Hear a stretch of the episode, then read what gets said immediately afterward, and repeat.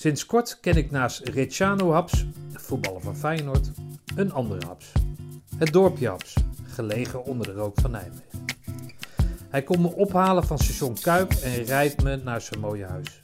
De kinderen zijn altijd uitgevlogen en samen met zijn vrouw Els heeft hij dan ook besloten dit huis te koop te zetten. Op wat voor manier heeft zijn leven zich voltrokken en hoe ziet hij zijn toekomst? Lichting 77.6. Vandaag in de Mutstads podcast het levensverhaal van dienstplichtig commando 1, Martin Oosterlaken. Commando 1, Oosterlaken, 57 09 15 372.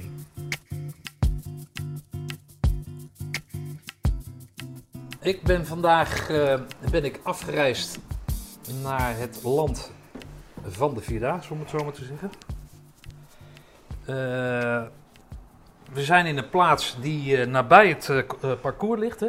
We zitten niet echt op de route van de Vierdaagse, Martin? Nee, een kilometer of 5, 6 vanaf. Oké. Maar jij vertelde mij dat je wel een band hebt met die Vierdaagse, want je schijnt op die laatste dag, schijn je in, Kuik. in Kuik, waar je me op bent komen halen, schijn je wat te doen. Ja, klopt. We hebben, mijn dochter woonde aan het parcours van de Vierdaagse, net voor het poortje als je naar de pont toe gaat in Kuik. En daar eh, hadden wij altijd, een, en dat zullen we waarschijnlijk nog een keer weer doen, een grote stand opgezet. Waarbij de lopers van het korps eh, gratis een biertje konden halen. Oh, gratis ook Ja, nog? ja, natuurlijk. Ah, Daar stond meestal ook, eh, we hadden daar een zwembad en dat soort dingen. Ze konden daar zelf nog een duik nemen. Er waren broodjes en wat te eten. En eh, het was één grote gezellige boel. Oké, en maar dat is voorbehouden, je moest wel een groene bret op hebben? Of hoe? Nee, nee, nee. Eigenlijk iedereen die eh, behoefte had om erbij Oh, te komen en ons een beetje kende en eh, vriendelijk was en leuk was en gezellig was, die kon erbij. Oké. Geeft dat dan aan dat jij na het halen van je groene beret ook zeg maar een duidelijke band met dat, met dat groene gebeuren hebt gehouden? Of hoe, moet ik dat zien? In het begin ging ik wel altijd naar de reunies en dat ga ik nog steeds doen natuurlijk. Ja. En eh, naarmate de tijd vorderde eh, zijn we steeds meer een band gaan krijgen met een paar maten. Hebben daarbij een paar keer reunies georganiseerd en dat soort dingen. Eh, en ja, lid geworden van verschillende verenigingen waardoor je meer mensen leert kennen. En dan, dan ontstaat zoiets. Ja. Uit welke lichting ben jij eigenlijk? Dat was 77, 6. Ja, is dus een tijd geleden. Oude man, ja. Hè? Oude man, Je, ja. je, zou, je zou het zo 1, 2, 3 niet zeggen. Ja, het is audio, dus ik moet er natuurlijk wel een beeld bij schetsen. Ja, 77,6. Dat is, eh, wat is dat? Dat is, eh, welke maand kom je dan op? Het derde peloton was dat. Ja, ik ben ook van Dus- derde, maar Derde, even kijken, welke maand? Dat is goed. 82,4, dus dan kom je in... december of zo, eh, eind Nee, dan kom je in februari op. februari kom je op. Ja, Ja, ja, zo oké. Ja. En dan, eh, met zoveel kwamen je op? Dat zal volgens mij is het meestal rond de 100, 110 dat je opkomt Ja. bij de VO. En dan, eh, ja, dan gaat het langzaam slinken en dan hou je een paar mensen over. Ja. Nee, dat, dat, dat kennen Dat we. ken je wel, hè? Ja, ja. Waar kwam jij vandaan dan?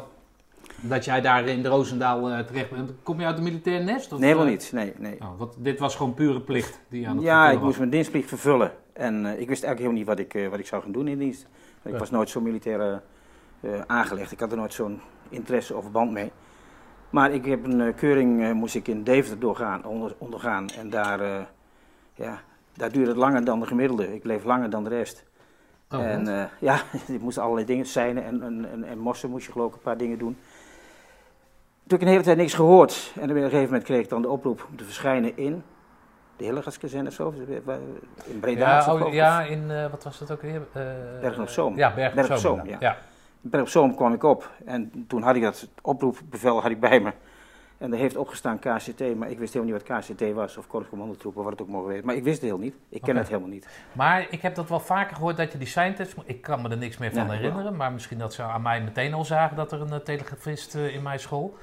Eh, maar ehm, eh, moest iedereen dan die test doen? Of, of... Nee, er waren enkele die, eh, die moesten blijven. Ik volgens mij een man of tien van het hele Oké, maar dan heb je dus kennelijk je voorkeur opgegeven dan? Of Ja, zo? misschien door het Ja, invullen van allerlei vragen met de specialistische dingen. Misschien dat daar het in gezeten heeft. Oké. Dat je... Maar was je een beetje atleet dan? Dat je... Helemaal niet. Oh, niet? Nee. Maar hoe ziet een niet-atleet eruit dan? Wat, wat, wat doet hij dan gezonde niet? vent. eh, Oh, maar- gezonde maar vent die, maar die niet, niet sporten. Ik sport helemaal niet. Je sport helemaal nee, niet? Nee, nee, nee. nee. Oké, Dus hoe- ik kwam, ik kwam hoe- eraan. Ja?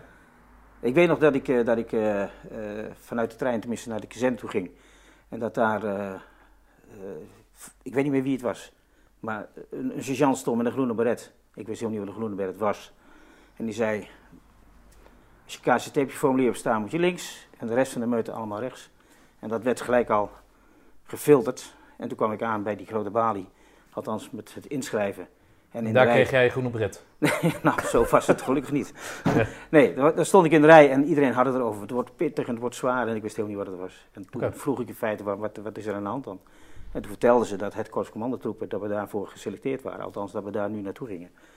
Maar ik wist nog steeds niet wat het was. Ik weet helemaal niet wat ze deden of wat er allemaal... Ja, goed hoor. Wat Nou allemaal- ja, dat is Els. Dat ja, Els komt net binnen. we hadden al aangekondigd. Heerlijke soep, Els. Maar in ieder geval, eh, ik wist dus niet wat het was. Ik, ik ken het hele korps niet. Ik wist niet dat zo'n korps bestond. Oké. Nou, dan heb je alle formaliteiten die je daarvoor doet. Je krijgt je plunjebalen mee en je wordt in een drietonner geladen en eh, op naar Roosendaal. Dan kom je op de appelplaats en dan wordt alles eruit gegooid. De, de, de plunjebalen en dat soort dingen. En toen dacht ik, nou, dan pak ik mijn tas en één plunjebaal en dan loop ik naar de plek waar ik wezen moet. En dan haal ik die andere twee straks wel even op. Maar dat was er niet bij, want dat is die sergeant die zullen heel veel nog kennen. ja. Dat is een grote snor. En die gaf aan dat dat allemaal in één keer mee moest. En niet eh, in twee keer lopen. Dus daar begon gelijk de drill al een beetje voor mij. En toen dacht ik, waar ben ik terechtgekomen? Dus.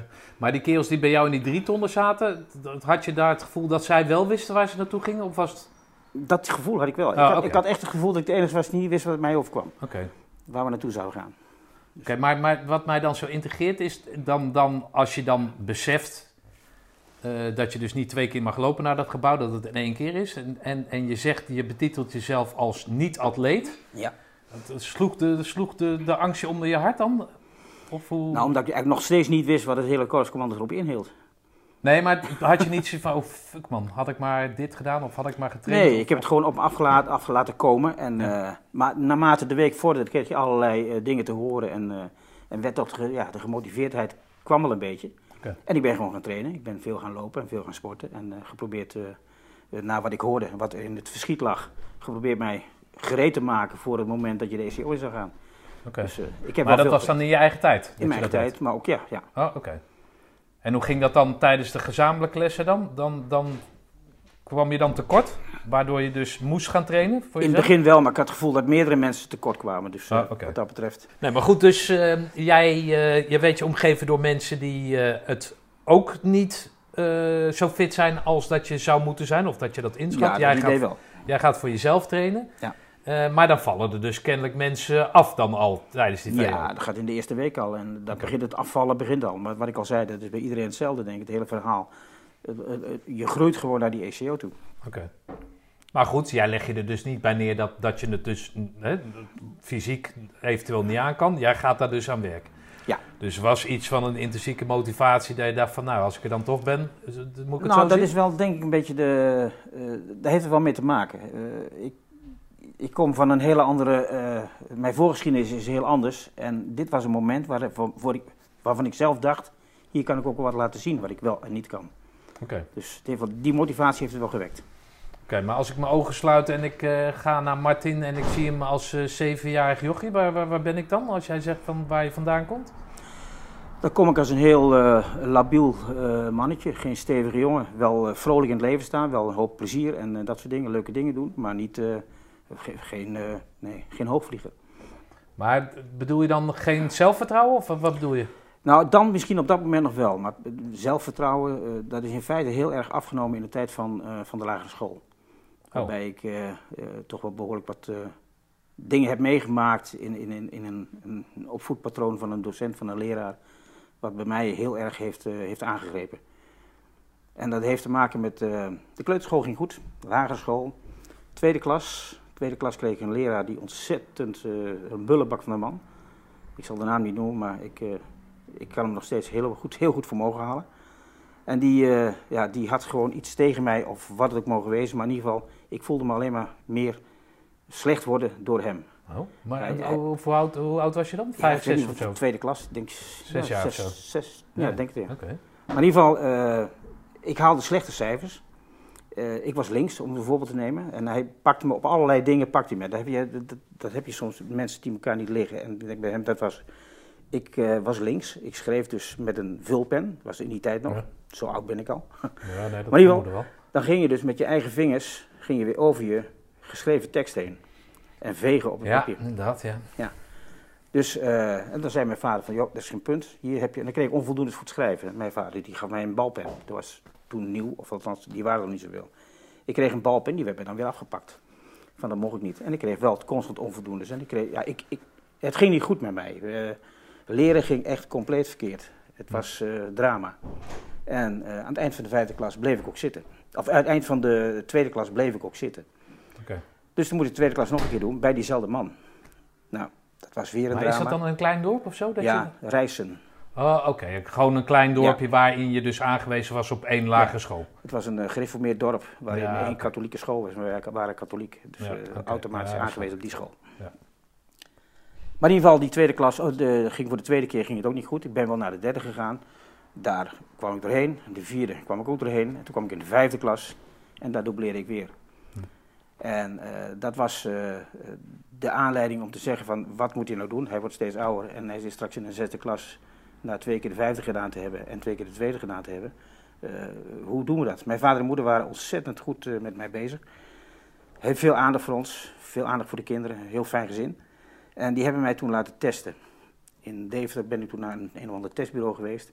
Om te kijken van wat is er nou met hem aan de hand? Hoe kan het nou dat het niet lukt, dat het hem niet goed gaat? En toen bleek dat, eh, dat mijn IQ behoorlijk goed was. Dus daar kon het niet aan liggen. Wij woonden toen in Rijssen naast een eh, directeur van de technische school in Rijssen. En die gaf aan, laat hij maar bij mij komen op school. Ik zet hem in de ITO neer, het laagste technische onderwijs wat er is. Ito, wat is De Ito? ITO, individueel technisch onderwijs. Ah, oké. ja. Het laagste technisch onderwijs wat er is. En eh, dan gaan we gewoon kijken wat er komt. Hij moet weer zelfvertrouwen krijgen en hij moet weer proberen de boel op zijn rit te krijgen. En dat lukte ook, want eh, na de eerste klas ITO ging ik naar de tweede klas gewone LTS. En dat klinkt misschien laag, maar dat was voor mij al een hele stap. Eh, die liep ik door. Toen eh, ging ik naar de T-stroom, dus de, technische, nee, de theoretische afdeling van de, van de LTS. Eh, dat ging goed, dan haal ik mijn diploma. Toen ben ik naar de TTO gegaan. Dat is een MAVO 3 was dat toen, in die tijd, Hm. heb ik toen gedaan. En toen ben ik van school afgegaan. En inmiddels had ik dus de oproep voor de militaire dienst. Dus Maar dat is een beetje mijn voor. Was, hoe oud was je dan? Dan was je Ik denk- 17 of zo? Of, eh, 18 of zo. Ja, ja, Ja. oké. Dus ik zou met de auto naar, naar school, Ja, naar school kunnen gaan, Ja. bij wijze spreken. Maar in ieder geval, dat was mijn verhaal in het voortraject. Dus een heel veel, eh, ja, gewoon Het maakt onzeker. je niet zekerder. Nee, Ja, onzeker. nee. Heel onzeker. Oké. Dus dat was dan, wat ik net zei, eh, voor mij een aanleiding om te zeggen, nou weet je wat, dit is misschien een kans voor mij om te bewijzen dat het wel lukt. Oh, wat grappig. Dat had je natuurlijk wel, tenminste ik vond zelf dat ik al een heel stuk was, door middel van het laagste naar een stukje verder te komen in het technisch gebeuren. Maar dit was voor mij de overtreffende trap om te zeggen, nou dan ga ik er ook tegenaan, dan ga ik het gebeuren. Maar had je in dat technisch gebeuren, had je daar wel aanleg voor?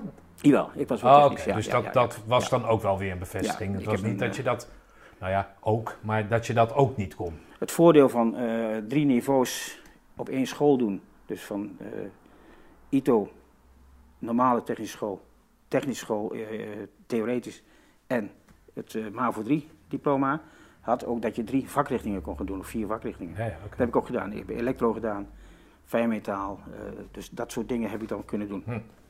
En dat was dus een groot voordeel, want daar heb je Ja. technisch gezien best wel een mooie basis om vanuit door te gaan. Maar in ieder geval, toen kwam ik dus bij het koers de uitdaging gezien van dit kan ik eh, gaan proberen. En dat heb ik met twee handen aangepakt.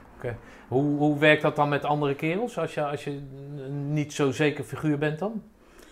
Dat groeide heel snel. Oh. Dat groeide heel snel. Omdat je zag dat je daar toch wel sportief eh, een stukje naar voren ging door wat te doen.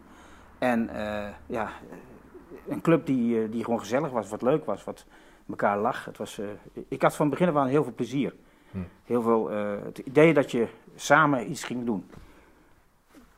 Dus dat was... Eh, maar jij, de- jij vertelde dat jouw vader, in het voorgesprek, dat jouw vader bij de spoorwegen werkte. Ja. Dus dat jullie zeg maar van plaats naar plaats gehopt zijn qua verhuizingen en Ja. qua aanpassingen en, eh, en dat, soort, eh, dat soort zaken.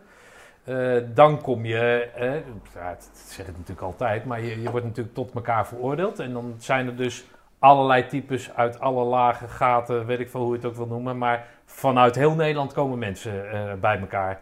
En die, die, die vind je dan in die gezamenlijke ambitie die er dan op een gegeven moment is. Maar dat is tegen het einde naar, naar de ECO toe. Maar hoe doe je dat in het begin? Ben jij een clubjesmens? Zoek je mensen op? Of laat je het op je afkomen? Of hoe, eh, hoe heb je dat gedaan? Of, eh, Ik denk dat ik meer op afstand gekeken heb en later wat meer naar voren eh, geschoven ben. En wat meer eh, zelf initiatief heb ontplooid. Van ja, onzekerheid zit er dan toch altijd nog in, ook in het begin. Dus dat moet ik groeien en moet afnemen, in feite, die onzekerheid. En ja, ik denk, ja, voor mijn gevoel, gelijk van het begin, wel het gevoel gehad dat ik erbij hoor. Dat ik, eh, dat ik er mag wezen. Oké. En dan door dat werken aan jezelf in je eigen tijd. Dat, en dan, dan zie je dat resultaat natuurlijk in die gezamenlijke lessen waarin je dan je steeds sterker Ja, voelt worden. En, en, en mee kan komen met, met, met de grootste groep dan in ieder geval. Of in Ja, ieder geval de groep die naar de ECO gaat. Ja, ja. En hoeveel gingen jullie die ECO in ongeveer? Ik meende iets van 68 of 70, Oké. zoiets. Het zijn geweest. Ja. Er zaten vier of vijf mariniers bij. Dus een Hey, en ehm, wie waren de instructeurs binnen jullie eh, tentenkamp? Eh, Kees de Waard, Rob Hellendoren. we hadden als Herman Engelsman als tentkampcommandant. Vers- nee, Verstappen niet. Even kijken wie er nog meer. Dan schiet me zo te binnen, de andere. Ja, oké. En hoe, hoe keek je daar tegenaan? Ja, dat waren wel degenen die eh Wat waar jij je tegenaan moest kijken. Ja, Ja, ja. Was je bang? Nee, ik was eigenlijk door die tijd van die VO heb ik, eh, ben ik be- best wel zelfverzekerd geworden. En zelfverzekerd in de zin van dat ik het aandurfde. Hm. En dat ik me niet gek liet maken. Dat was, denk ik, dat heb ik mijn hele leven wel gehad. Ik laat me niet gauw gek maken. Oké. Nou goed, maar als jij dus aangeeft, want daar begin je mee, dan begin je zelf Ja, mee ja, ja, over die zeker. onzekerheid, dan is dat natuurlijk wel een hele stap die je dan maakt. Maar dat moesten ze bij mij eruit trekken. Dat, hielp ik voor mez- dat, dat, dat zat in mezelf. Dat, dat verwerkte ik zelf. Daar, daar, Daar had je geen hulp bij nodig. daar heb ik geen, dat zeggen? mijn gevoel van geen hulp bij nodig. Oké, dus dat, dat fix ik zelf wel. Ja. Dit is de kans om het te bewijzen. Ja. Hoe, hoe, hoe reageerde thuis? Eh, Reageerden ze van, Mm, in Die de wist- zin van, eh, zagen ze je veranderen? Of, of, of? Ja, die zagen mij wel veranderen. Oké. Ja, ja, ja.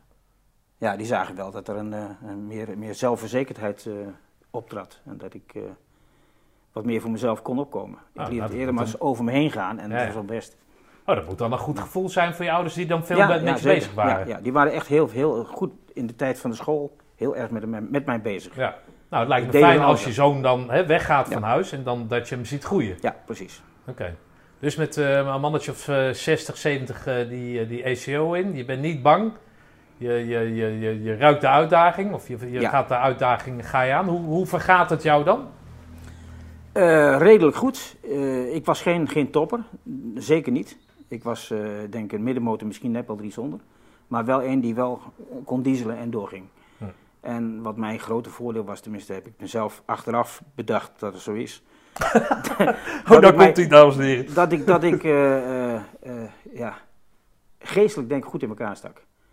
Als ze vonden dat ik van voor naar achter moest rennen tijdens, eh, tijdens het lopen en dan weer terug en daarachter weer, dat je voor gezegd werd van, jij bent eh, eh, toch de beste, je moet achteraan lopen. En als je achteraan kwam, dat ze zeiden van, nee, jij moet voor, want jij bent de slechte. Dat interesseerde me niks. Ik deed Ja. dat, ik liep dan. En dan zag ik wel, viel ik om. Maar dan ging ik gewoon door, dat maakte geen donder. Maar dat staat dan haaks op hetgeen waar je dan vandaan komt. Precies. Zeg maar. En dat is, dus in een heel kort tijdbestek heb ik me dat zelf, eh, denk Nou, dat ik wel knap dan. Ja, ja, of knap is, weet ik niet. Het zit in je of zit niet. Het is er nooit uitgehaald. Nou, het, is er nooit uit, het is nooit aangesproken Ja. en, en je had het dus kennelijk, dat deurtje is open gegaan. Ja. Je hebt zelf jezelf onder handen genomen of in ieder geval je een doel gesteld. Ja. En, zo van, en dan gaat dat op een gegeven moment gaat dat werken en dan merk jij dat je mentaal gewoon, dat je dat van je af kan laten glijden. Ja. En dan denk je van ja, het is allemaal wel, het moet toch gebeuren. Het, hè, voor dit weet zijn die acht weken voorbij. Een beetje zoiets? Ik had denk ik gauw het spelletje door, hoe het werkt. Eh, het het ja, psychisch aanpakken, het, eh ja, vernederen is een groot woord, maar in ieder geval wel even je neerzetten op een plek waar je niet graag staat. Oké, maar dat had je, dat vraag ik aan iedereen, maar dat, dat heb ik mezelf ook wel eens afgevraagd. Had je dat meteen door dat dat een spel was? Kon je dat, kon je Vrij dat- vlot. Ja, ja. oké. En ik denk dat mij gelukkig is geweest, want eh, wat ik al zei, ja, sportief gezien was ik niet het sterkste. Dus ik moet het, moest het daar ook wel van hebben. Oké. Van dat mentale. Van het mentale. dus als je weer die Chinese muur niet opkwam, dan ging je net zo lang door totdat, Ja, eh, totdat niemand keek en er liepen eromheen. Ja, en dan zei ze, Ja. en dan zei ze vanzelf eens een keer stop er maar mee, er wordt niks. Dus, eh, Ja, we willen ook de nee, beste. dat was, Nee, maar dat mentale, dat, dat heeft je dus, heeft je dus, dat, is, dat zie Ik jij dus als, als jouw sterkste punt. ja, dat heeft mij door de, deze show heen geholpen. Oké. En waren daar dan ook mensen die dat ook van hun mentale moesten hebben? Of, of eh, Jawel, die waren er meer die het Oké. wel aankonden. En, eh, maar er waren er ook bij natuurlijk die super, super sportief waren en super eh, sterk waren. En, zijn er ook mensen afgevallen, voor zover jij nog weet, waarvan jij dacht, van, nou, als er toch één iemand het moet halen, ja. dan is hij het. Nou, nee, dat kan ik me zo niet herinneren althans. Nee, Wat ik wel had is, er was een maatje van mij, wat nog steeds mijn maat is, eh, die ook in de tentenkamp zat. En Kan je zijn daarvan, naam noemen? Of, eh? Eh, ja, Ipo van Blommestein. Ah, oké. Bikkel had een stoere vent, een eh, sterke kerel. Maar in ieder geval, ik had het idee in eerste instantie dat ik dacht van nou, Ipo, ook een mager, ma- een klein mannetje, mager mannetje, maar, maar super gespierd en dat weet je dan later pas. Maar in ieder geval, daar dacht ik van nou, ik had me voorgesteld van, ik denk dat hij minder is dan ik. Maar als hij het haalt, haal ik het ook. En zo had ik mij aan hem opgetrokken. Maar later bleek er gewoon een supersterke kerel te zijn, die gewoon alles in feite heel makkelijk deed. Hm. En dat was een misrekening van mij, maar misschien ook wel mijn redding, van daardoor ging ik wel door. En, eh Ja, oké, zo pepte jij je op van, Ja. nou, als die Ipo het eh, Ja. redt, dan eh, moet ik het helemaal Nico redden. redde het heel makkelijk, dus Oké, en, en, en is die Ipo een maat geweest die dan, als je het hebt over een echte maat, is dat dan iemand waar, waar jij aanhaakte als het even niet ging? Of, of hoe... eh, nee, nee, dat niet. Nee. Oh. Nee. nee, het was gewoon puur, het was, in feite had ik zoveel contact met Ipo toen niet eens. Nu heel veel, maar toen helemaal niet. Oh, oké.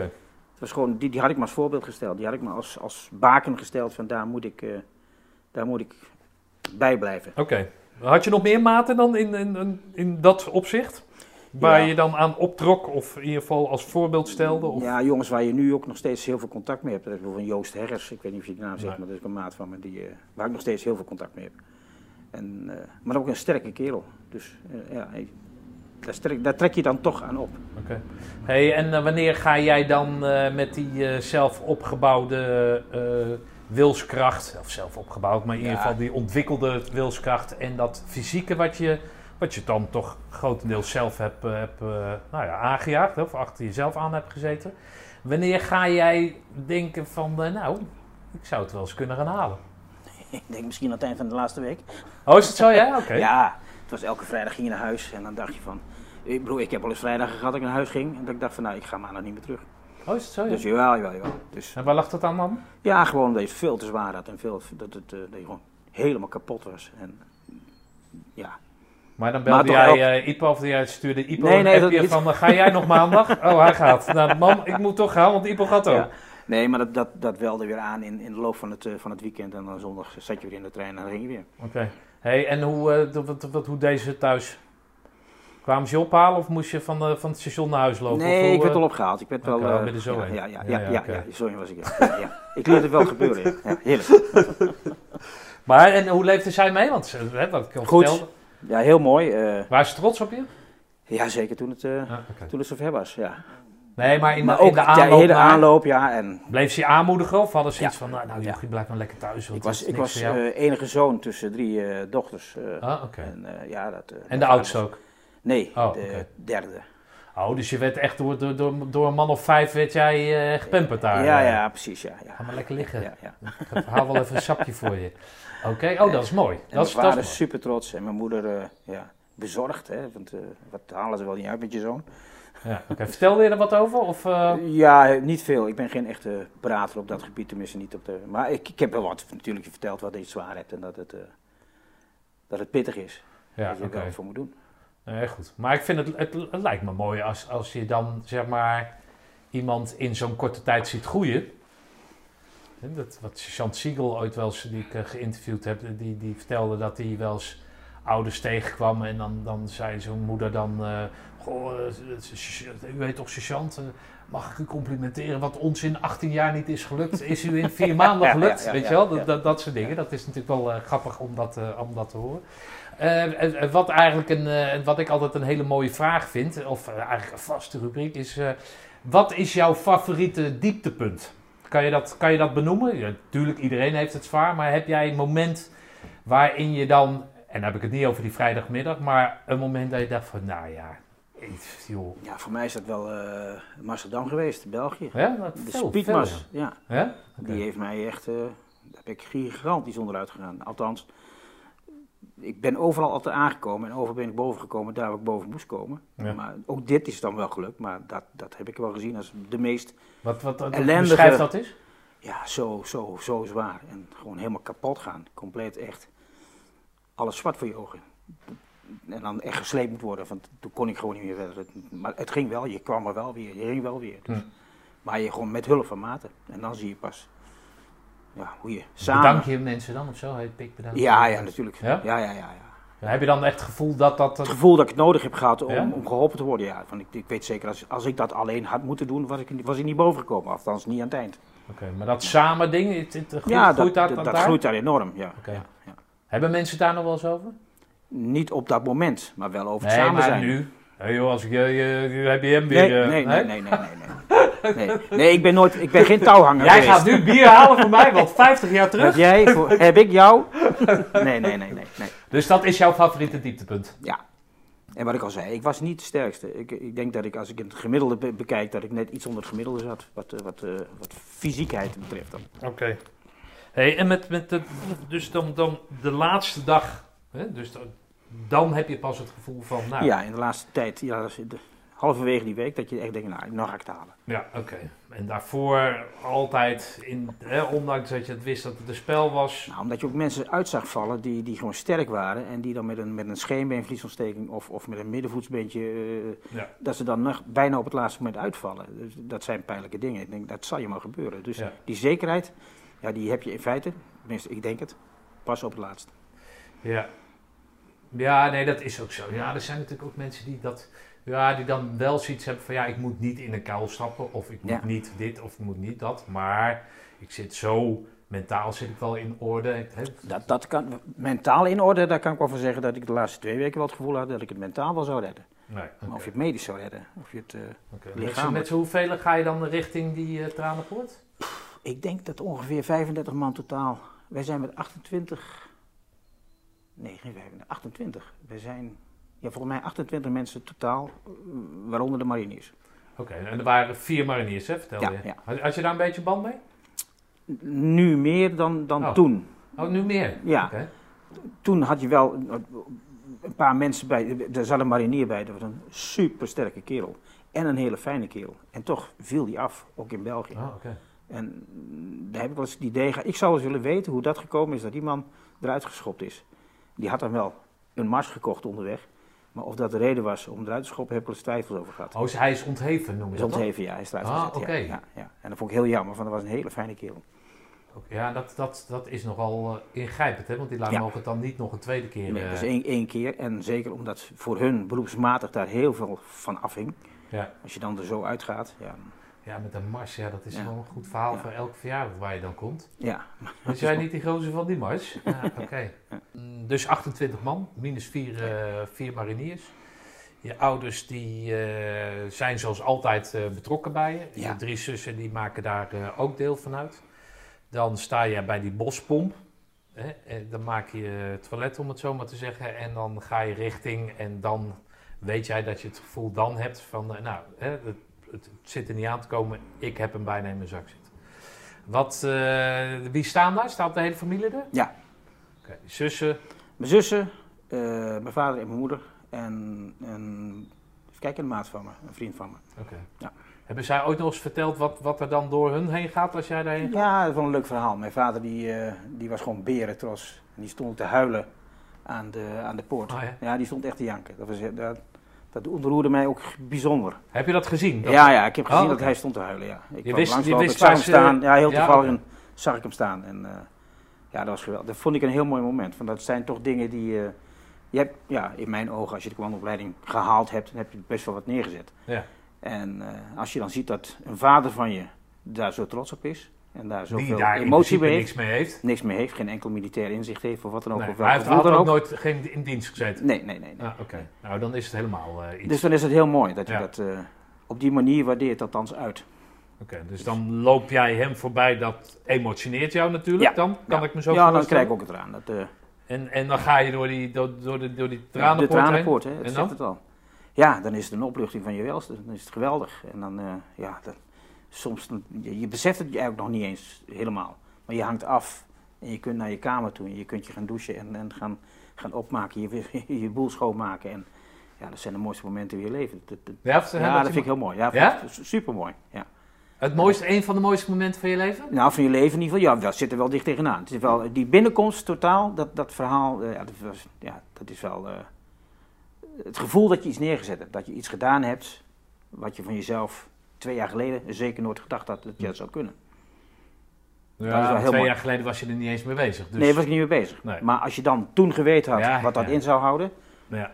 ja, dat is wel, eh, ja, dus eh, die tranenpoort, in jouw geval was die tranenpoort de tranenpoort. ja, ja, ja. Dan liep je even leeg. ja, leeglopen in ieder geval, dan komt er wel, ja, dan komt er wel, de emotie komt er wel boven, ja. Ja, oké. Nou, dat is, dat is toch mooi? Perfect. Ja, nou ja, ik vind het mooi dat je veel dan meer zegt moeten zijn. dat dat dan, eh, dat het een van je mooiste, nou ja, goed, zeker waar je dan, nou ja, vandaan komt, klinkt zo, maar Ja, maar is wel zo.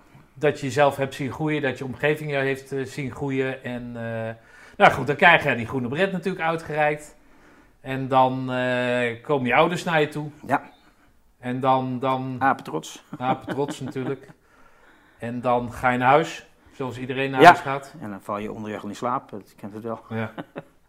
En dan? Ja, dan is het, eh voor mij hadden we een week vrij. Ja. Meende ik, dat iedereen zo'n beetje had. Eh, ja, je leeft nog in een roes op dat moment.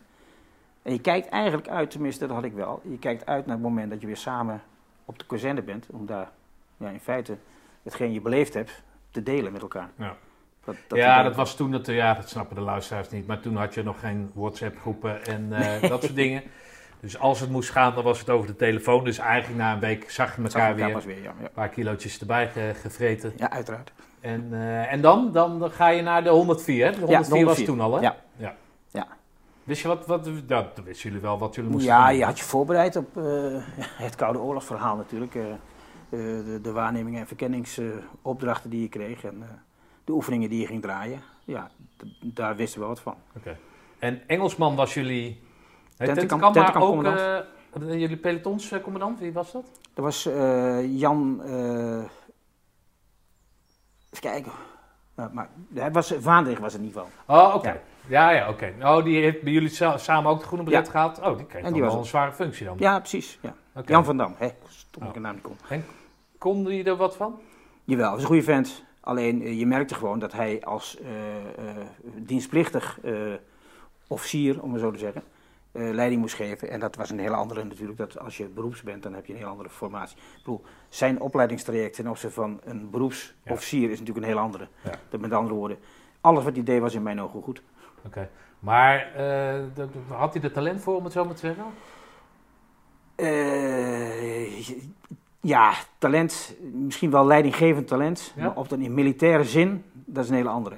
Nee, natuurlijk. Maar hij is natuurlijk... Want, want dan is hij twee maanden eerder opgekomen Ja. dan dat jullie natuurlijk. Precies. Ja, wat moet je in die twee maanden... Geleerd hebben aan geleerd militaire hebben vaardigheden om, om, Om vier maanden later eh, het leiding te geven aan een stel pubers die eh, hè, denken dat ze, dat ze Jezus zijn. Allemaal Dus daarom zeg ik ook, alles wat hij deed was in mijn ogen goed. Ja, Van, ga er maar aan staan. Ja, inderdaad. En zeker dan zijn, hè, zijn, zijn positie binnen die officieren dan Ja. natuurlijk. Ja, dat lijkt me ook eh, lijkt me geen, geen... Ik denk dat hij geen, ja, hij zou wel een leuke diensttijd gehad hebben, maar ik denk dat wij een leukere diensttijd Ja. gehad hebben. Wij hadden elkaar, we hadden eh, feest, plezier maken, Ja, de Damstraat in, eh, noem maar op. eh, en hij zat in feite op een eiland, ja. eigenlijk overal tussenin. En door wie werd hij ondersteund als? Eh sergeant, Ja? oh, dan moet ik even Ja, het is wel, dames en heren, het is een tijd geleden voor Het Martin. is ontzettend lang geleden, ja. Ja, er waren meerdere. Ja, nee, maar de, de, zeg maar de, de beroepssergeant die, eh, die zeg maar de coach is van... De Ruiter, ja, Leo de Ruiter. Ah, oké. Ja. Dat Leo de Ruiter, mochten jullie hem Leo noemen dan? Nee, toch? Nou, later wel. Oh, later in, in de burgerding. Ja. Oh, Ja, tijdens de reunies en, de- en dat, Dat soort dingen, ja. ja. Ja, nee, maar ook tijdens, de, we hebben, we- hij is nog mee geweest met ons een keer. Een paar oefeningen heeft hij meegedraaid. Oké. Dus eh, vandaar. En In de dan- zin van In de zin van in de patrouille, meedraaien in de patrouille. Ja, oké. en dan, en dan was het gewoon heel simpel. en dan- ja, dan was het niet eh sergeant of wat dan ook. Nee, ja, dan- nee, oké. dus ja. dat hadden we samen toch wel afgesproken dat we dat eh, Nee, niet gingen doen. Ja, in principe, ja, dat... Dat was al, denk al ver, ver vooruit hoor in de tijd. Die, Ja, nee, maar die leeftijden liggen natuurlijk heel Nee. dicht bij elkaar. in maar je dacht, als je keek naar een sergeant beroeps, dan keek je daarna als een man die veel ouder was. Precies, maar die was maar een paar jaar ouder. Twee, drie jaar ouder waren. Ja. Dus Oh, dus dan, ja, dan is hij zijn tijd ver vooruit geweest. Ja, ja, ja, dat ja. lijkt me dan ook altijd zo. Ja, dan zit je met z'n vier in die put. En dan moet je in één keer nog eh vader zeggen of zo. Of, Ja, eh, precies. Ja, ik, ik, ja, heb ik eigenlijk ook nooit, eh, nooit echt. en daar heb ik ook heel veel moeite mee. Maar dat, Ja, oké. Hey, en wel- welke, welke oefeningen heb je gedraaid? section drive, Ook ken ik niet. we hebben niet zoveel gedaan. En dat had denk ik ook te maken met de, de officieren die leiding gaven aan die club. Als jij beroeps was, dan maakte je veel drukker om eh, dingen te doen. Omdat je ook wist hoe het werkte. En je was geschoold in het hele gebeuren. Om voor je peloton de leuke dingen te regelen. Eh, Jan van Dam, die had, wat ik al zei, hele korte ervaring op het militaire gebied. Wist net zo goed als wij met z'n allen niet wat er allemaal speelde. En maakte zich niet eh, hard omdat hij niet wist waar hij zich hard voor moet maken. Eh, dus wij hebben niet zoveel bijzondere dingen Ja, dat gedaan in dan diensttijd. Een, een stukje, stukje mismanagement van. van Vind ik ook. Dat ligt Ja. niet aan hem. Nee, Echt niet aan hem. Nee. Ja, nou ken ik Jan van Dam niet, maar ik kan me niet voorstellen dat het aan hem ligt. Nee. Je krijgt toch een, een programma en dan kan ik me voorstellen dat je extra dingen wil doen en je weet de weg, dan ga je de juiste mensen Precies, bellen of op de juiste deur kloppen van hé, hey, ik moet nu weg. Eh, daar kan me iets bij voorstellen, maar als je het niet weet, dan houdt het natuurlijk vrij snel op. Als je de KMA gedaan hebt, je wordt dan daarna de KMA wordt gestuurd naar het korpscommando. Dan weet je precies welke oefeningen er al zijn, wat er allemaal gebeurt, Ja. hoe het allemaal in elkaar zit. Je hebt je verdiept. Maar eh, st- slimme streupers, heb je dat gehad? Nee, hebben we al niet gehad. Nee, hij ook niet hoor. Nee. Ehm, maar wel gesprongen en zo. Ja, springen wel. Maar alleen in Nederland, ook niet in, eh, in Frankrijk. Of, eh, Wij ook niet. Nee. Wat verdomme, wat is dat? ja, we hebben pech gehad eigenlijk. Ja, nee, we hebben ten, ja, ik heb het al honderdduizend keer verteld, maar we hadden een grote NATO-oefening. Ehm, dus daarin liep alles, zeg maar, eh, nou niet synchroon, maar alles moest wijken voor die dingen. Dus wij Ja. moesten op het laatste moment, konden we ook een wing springen en toen op het laatste moment eh, naar België om daar een wing eh, te halen. Dus het was, wij waren ook niet zo, eh, niet zo verwend. Maar desondanks toch een leuke tijd Ik heb gehad. een prachtige tijd gehad. Ja. Hele mooie tijd. En ben je dat sporten dan, eh, ben je tot ja. een sportief Ja. mens geworden dan? Eh, tot een jaar of 10, 15 geleden nog wel, ja. Ja, nee, oké, maar het gedurende die... Maar zeker in de diensttijd, zeker, ja. Nee, maar dat blijft, ben, je bent voor jezelf blijven trainen, dat soort zaken. ook na tijd, na diensttijd heb ik veel gedaan aan sport dus. Oké, dus dat, dat- daarin zat het, eh, zat het nou, een ander mens geworden. Ja, zonder meer. Ja. Oké. Hey, en dan, eh, dan heb je dus die technische achtergrond. Ja. Ehm, dan eh, ga je richting, nou ja, richting het einde. Ehm, wat, wat voor een beeld had jij van één van het korps op dat moment? Had je zoiets van, nou, wellicht zou ik hier willen blijven? Of, of wat, wat, wat was jouw toekomstperspectief wat je voor jezelf geschetst had? Nee, die gedachte van zou ik blijven, die heb ik nooit gehad. Ik heb nooit het idee gehad dat ik eh beroep zou willen worden of zo.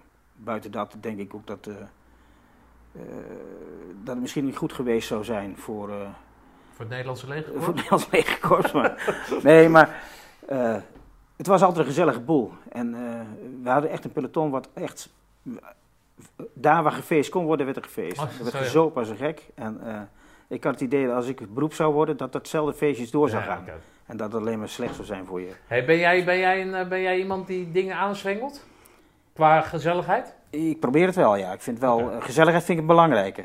Samen zijn, samen dingen doen, samen plezier maken. Nee, samen maar werken, dan kan je ja. natuurlijk leidzaam toekijken van dat Nee. iemand anders die... Maar ben jij van een van de initiatiefnemers? Ik denk wel, ja. Oké. Dus als iemand op de bar gaat staan, ben jij een van de eerste Nee, die op dat de bar niet. staat? Er staan de Oh, anderen maar op de je bar. zet wel andere mensen op de bar. maar ik zet ja, oké. Dus je zorgt dat iedereen zeg maar in zijn eh, kwaliteiten eh, eh, blijft Zijn staan. kansen krijgt. En zijn, kansen krijgt, dan wel opgeleid krijgt. Oké, grappig. En dat, dat zuipen, dat is dan woensdagavond naar de, hoe heet dat ding, de herberg. Ja. En, Ja, De Dam staat in, hè? Ja, Ja, de herberg. Ja. Maar ook ben- door de week in de, in de Nishut. Ja, ja, oké. Ik weet niet of jullie... je- je- Dat is die 104 bar, die toch? 104 bar, die, die Ja, oké. die stond Ja. achter de... Ja, is ja, ook heel wat keren en- in die kapot En je had die gestoken. laatmaar bar, toch? Van de, was van de vooropleiding, toch? Dat, dat, was ook zo'n Nissehut daarnaast, volgens mij. Naast het, naast het gebouw. ja, Ja, ja. Ja, oké. Ja. Oké, dus, dus we hebben als eh, eh, Armee Nederland hebben niks gemist aan de, aan de eh, beroepsmilitaire... Nou, laat ik zo Martin? zeggen, het derde peloton, 77-6. Het is maar goed als je geen... Oké, maar zijn er, wel mensen, zijn er wel mensen zijn geweest die, zijn er mensen geweest die bij hebben getekend? Of? ja, Henk van As. Oh ja, oh, dat, is, Henk dat, van As. wel- dat was een dienstplichtige? Ja, was een dienstplichtig soldaat bij ons. Oké, En die, die die is heeft een carrière gemaakt, Ja, toch? die Of is redelijk. voor mij Ja. major geworden. Dacht ik Ah, wel. Oké.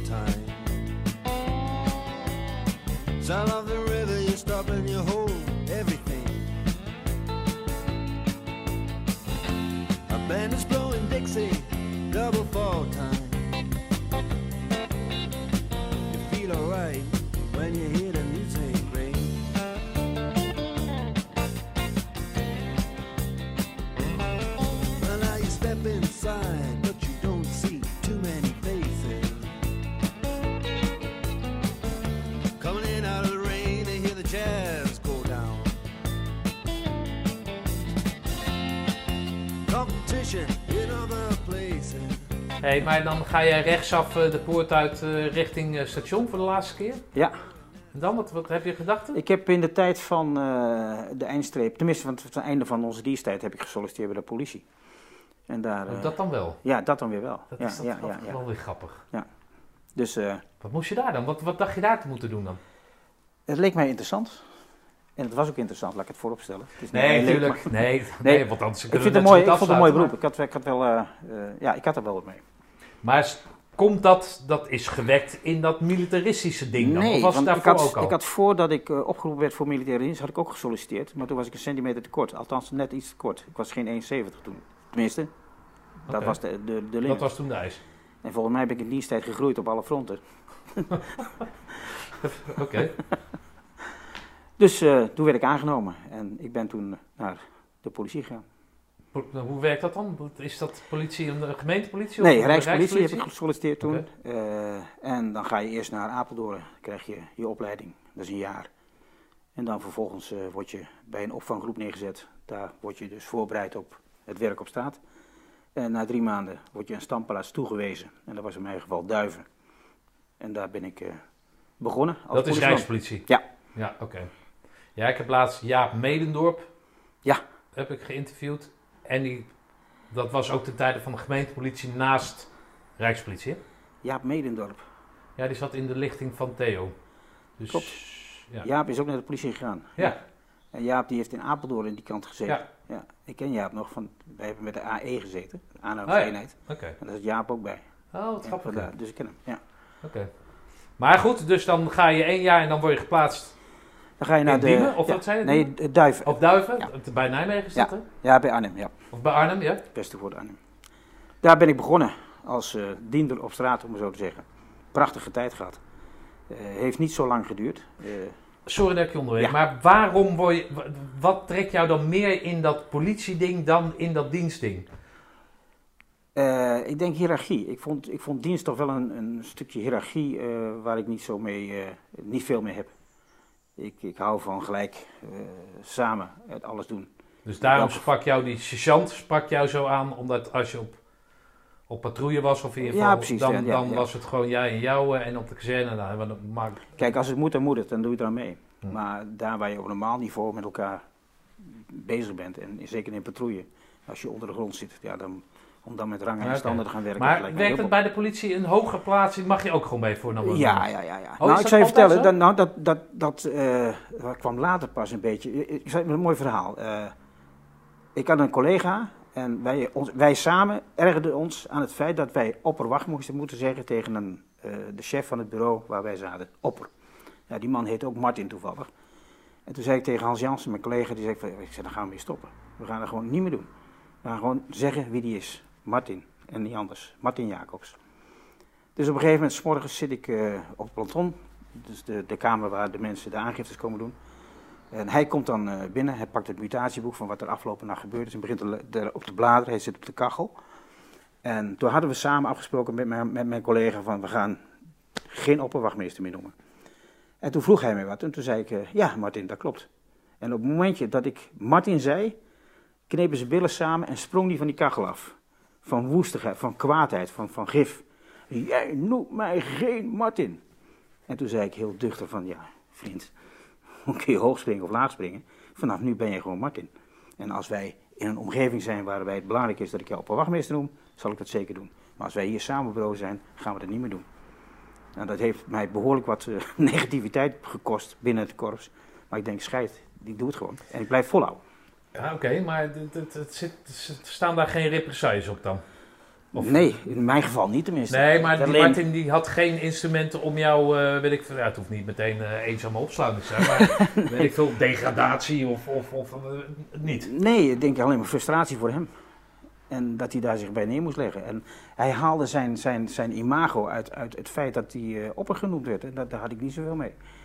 Oké, maar elders binnen het korps was dat niet zo? Dan moet- Nee, nee dat is Oh, langzaam zo oké. gegroeid. Dat was helemaal niet... Ja, oké, dus hij had dat nou niet zelf verzonnen, maar hij gaf de voorkeur aan zijn titel. Ja, nee, dan- in het algemeen was dat je een, een, een opperwachtmeester met, eh met opper aansprak. Ja, oh, dat wel. In het hele korps, ja. Ja, oké. Dus we waren een beetje trendzettend bezig om te proberen gewoon Oké. lekker normaal te En, en hoe, hoe heb jij er last van gehad dan? Niet lang. Want na mij gingen alle, eh, alle collega's van mij gingen dat doen. Ah, oké. En dat was gewoon, eh, ja. Hij moest het wel slikken. Oké. Ja, dat gebeurde ook. Oké, nou ja, het is dan in ieder geval een overwinning of zo. Dat Ja, vind ik een overwinning. Ja, vind het overwinning? Ja. En ik vind ook, dan, dan kom je veel dichter tot de man. Ik bedoel, eh, voor mij was het een schil, dat hele, dat hele eh, rangenstelsel. Hm. De- de- de- Wat ontleen je daaraan? Ik zie, ik, ik zie dat helemaal niet zitten.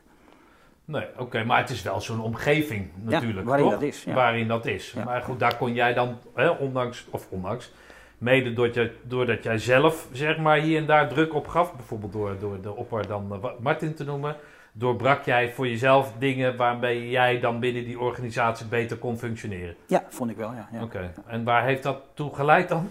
ja wat toegeleid. nee. Nee, maar vertel eens verder direct- wat je, wat je in die, in die politieorganisatie... Ik heb een jaar of twee, tweeënhalf heb ik in de surveillance eh, gereden. Eh, dus de, de, de, de dagdienst, de nachtdienst gewoon in, de, in uniform. En toen ben ik op een gegeven moment een keer in een nachtdienst eh, tijdens een grote zaak aangelopen, waarbij later bleek een hele grote zaak te zijn. En bij de Rijkspolitie was het een beetje, als jij s'nachts iets binnengehaald had wat een zaak werd voor de recherche, dan, en het werd een rechercheonderzoek, dan draaide je als uniformant, mocht je meedraaien in dat onderzoek. En eh, ik denk dat ik daar eh, misschien wat heb laten zien waarin men zag dat ik misschien wel een goed, goed rechercheur zou kunnen worden. En ik heb toen de kans gekregen om, om dat te gaan doen. Naar de rechercheschool en dat soort dingen. Dus, s'nachts rij je met één auto op een bepaald gebied. Ja. Jij botst ergens tegenaan. Ja. Jij brengt dat naar het, het bureau toe, om het zo maar te Ja. zeggen. En omdat jij degene bent die toe toevallig die avonddienst of die nachtdienst had, word jij betrokken bij dat onderzoek. Ja, mag je in meedraaien dat- het onderzoek. Oké, en in dat onderzoek heb je wat laten zien, Ja. waarop anderen zeiden van, hé, hey, dat is een goede rechercheur. Ja, tenminste, ik denk dat het Nou zo gegaan is. Dat Ja, is een beetje... Wat, wat, Want ik kreeg daarna de kans- Rechercheur, rechercheur is een stap hoger dan een Nee, agent. het is geen stap hoger, het is een hele andere functie. Oh, oké. Eh, bij, de, bij de politie is gewoon zo, je wordt als, eh, in de Rijkspolitie tenminste wachtmeester, wachtmeester 1, opperwachtmeester, adjudant. En dat waren de onderofficiersrangen. En dan kon je door naar luitenant, kapitein en zo verder. Maar ik was gewoon agent. En een rechercheur, meestal was dat een, eh, een, een, een, een, eh, een agent 1, dus de, de tweede stap. En eh, ja, ik, ik, ik was heel vlot, was ik gelukkig, kreeg ik die kansen. Maar rechercheur betekent geen pak meer aan? In uniform, of in, in burger. Ja, precies, Ja. in burger. Is dat dan als politieman, is dat fijner of zo? Nee, nee, nee. Want ik heb al fijner, ja, het is anders. Je werkt anders. Nee, maar het is zoals je in de film zit. Je gaat in je binnenzak, je laat zien, ja, ja, een beetje dat. beetje, ja, een beetje dat, maar een klein beetje. Het is gewoon, eh, ja, je hebt geen, geen uniform aan, dus je moet door middel van een legitimatiebewijs moet je Ja, nee, dat maar, maar bent. dat- dat- ben je dan meer of zo? Jij houdt daar niet van, weet Nee, ik. Maar ben je dan, daar sta je anders Je, doet ander werk. Je doet Ja, ander maar werk. wat doe je als regisseur dan? Dat, Dan ga je de onderzoeken af. Dan ga je eh, zorgen dat, eh, dat alles eh, goed onderzocht wordt. de verbalen maken. eh, en maakt geen flikker uit wat, wat er gebeurd is. Dat kan een hele grote zaak zijn, Ja, dat en kan een hele kleine zaak zijn. Ja. Regisseur, dat gaat over, al, over de hele maatschappij Ja, heen. en natuurlijk de grotere zaken zijn aan de meer ervaren regisseurs toebedeeld dan de kleinere zaken. Dat Ja, oké. Hey, en en wat, wat eh, noem eens een paar zaken dan die je als regisseur gedaan hebt? Waarvan jij denkt van nou, daar heb ik me in kunnen, kunnen onderscheiden. Hoef je niet naam en toenaam, maar een Nou, soort zaak. Kijk, als je dan, tenminste, dat, dat hoor ik in jouw eh, podcast ook vaak. Het, het, het doorzettingsvermogen wat je toch in je dien- diensttijd hebt eh, eh, ontwikkeld, denk ik. Ja. Of wat misschien wel in je zit, maar wel ontwikkeld wordt in, in dienst. Dat heb ik, daar heb ik heel veel aan gehad, aan, aan gehad in mijn politietijd. Een voorbeeld. Wij hadden in Duiven, was er een, in, kijken, ja, in Westervoort was een taxi geroepen. Daar was een vent ingestapt. En die vent die stuurt de taxi naar Duiven toe. En daar pakt hij zijn pistool en bedreigt de taxichauffeur. Eh, die vent die eh, eh, schopt die taxichauffeur eruit, maakt hem zijn geld afhandig en rijdt met de taxi, gaat hij er vandoor. De lege taxi. En hij komt op een rotonde in Duiven, gaat over de kop en dan is hij weg. De auto is er nog. Ik word daar s'nachts bijgeroepen als regisseur. En dan zie ik dat zo en dan eh, gaan we het onderzoek doen. En dan komen wij een bos sleutels, waar een stuk of tien sleutels aan zitten. Dat is het enige wat in feite overblijft van alles wat erin zat. Nou, dan ga je dan onderzoek doen hoe dat gegaan is, wat er allemaal gebeurd is. Het voor met de verdachte, eh, met de, met de gedu- gedupeerde. Eh, en dan, dan heb je die bos sleutels. Het enige handvat is wat jou moet leiden naar de dader. En dan ga je dus analyseren waar is hij ingestapt. hoe lang duurde het voordat hij gebeld heeft voordat hij instapte. Eh, dus dat hele traject ga je proberen in kaart te brengen. En dan ga je een cirkel zetten van daar is de taxi geweest. Als hij gelopen had van het moment, dan had hij in zoveel minuten zo ver kunnen, kunnen komen. Als hij met de fiets was, was hij zo ver. En met de auto zo ver. Dus je gaat cirkels zetten. En dan begin je gewoon met de kleinste cirkel. En dan ga je werken. En wij gingen ervan uit, althans dan moet je aannemen, dat tenminste moet je proberen, om dan te z- zeggen, nou we gaan uit van lopen. Dan gaan we een cirkel zetten. Dan hebben we toestemming gekregen van dossier om alles, alle woningen met de sleutels, we hebben de sleutel laten bijmaken. Ah, oké. Er zijn meerdere collega's zijn toen de wijken ingegaan. We hebben de hele wijk gepakt. Alles. Gewoon overal Ja. de sleutel in de deur Aanbellen, mag ik de sleutels even testen? Ja. Ja. Nou, komen we op een gegeven moment. En iedereen zei, Martin, je bent gek. Dat gaat nooit lukken. En mijn baas zei ook van, nee, dat gaan we niet meer doen. Ik zei, wel, we gaan door. Ik ga dat oplossen. Dat, dit, dit lukt. Ik weet zeker, aan de hand van de sleutels komen wij bij de dader. Nou, gelukkig de toestemming gekregen. Een paar mensen meegekregen die, dat mochten, die, die meedraaiden. En op een gegeven moment eh, komen we bij een eh, flat. Daar bellen we aan. Mag ik de sleutel proberen? Sleutel in stok draaien, de deur gaat open. Perfect. Nou, dan vraag je aan die man van, zijn dit uw sleutels? Nee, nee, zegt hij.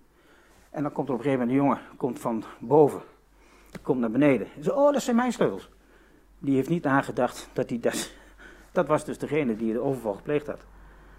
Maar hoe komt hij dan naar die sleutel? Oh, dat was Die had, gewoon hij, die, had hij, die had hij verloren. Ja, nee, maar die, waarom passen dat op die deur van die man die... die... Daar woonde die jongen. Die woonde, oh, die woonde daar ook bij echt. zijn vader. Oh, Ja, oké, ja, hij ja, kwam ja, van ja, boven. ja. Oh, oké. Dus zo kom je bij zo'n vent. Ja, ja. En dan ga je die andere sleutels proberen. Er zijn nog garageboxen, er zijn nog kelders. Nou, daar ook de sleutel. Nou, dan heb je Oh, natuurlijk een keihard voorbij dat die sleutelbos bij dat huis behoort. En hij zegt, daar, hij zegt althans dat hij eh, de eigenaar is van de sleutels. Ja, dan eh, heb je wel onder zaak. Het is gewoon even een klein Ja, voorbeeld, maar door te gaan. En dat heeft gewoon, Ja. daar zijn we anderhalve week mee bezig geweest. Om sleutels te passen. Ja. En dan kun je zeggen, onbegonnen werk. Maar dat is, de, de speld in de hooiberg moet je toch proberen te vinden. Oké, maar ehm, werd dat afgemeten aan geld dan? In de zin van, we, je, je mag er anderhalf ja, week het zijn, over doen? zijn, of, ja, ja, of een week of zo, binnen twee er dagen zijn, er zijn, er zijn meerdere stoppen? onderzoeken die er zijn natuurlijk. En je moet prioriteiten stellen. Het ene onderzoek heeft meer aandacht nodig dan de andere. Maar ik vond dit wel een behoorlijke inbreuk.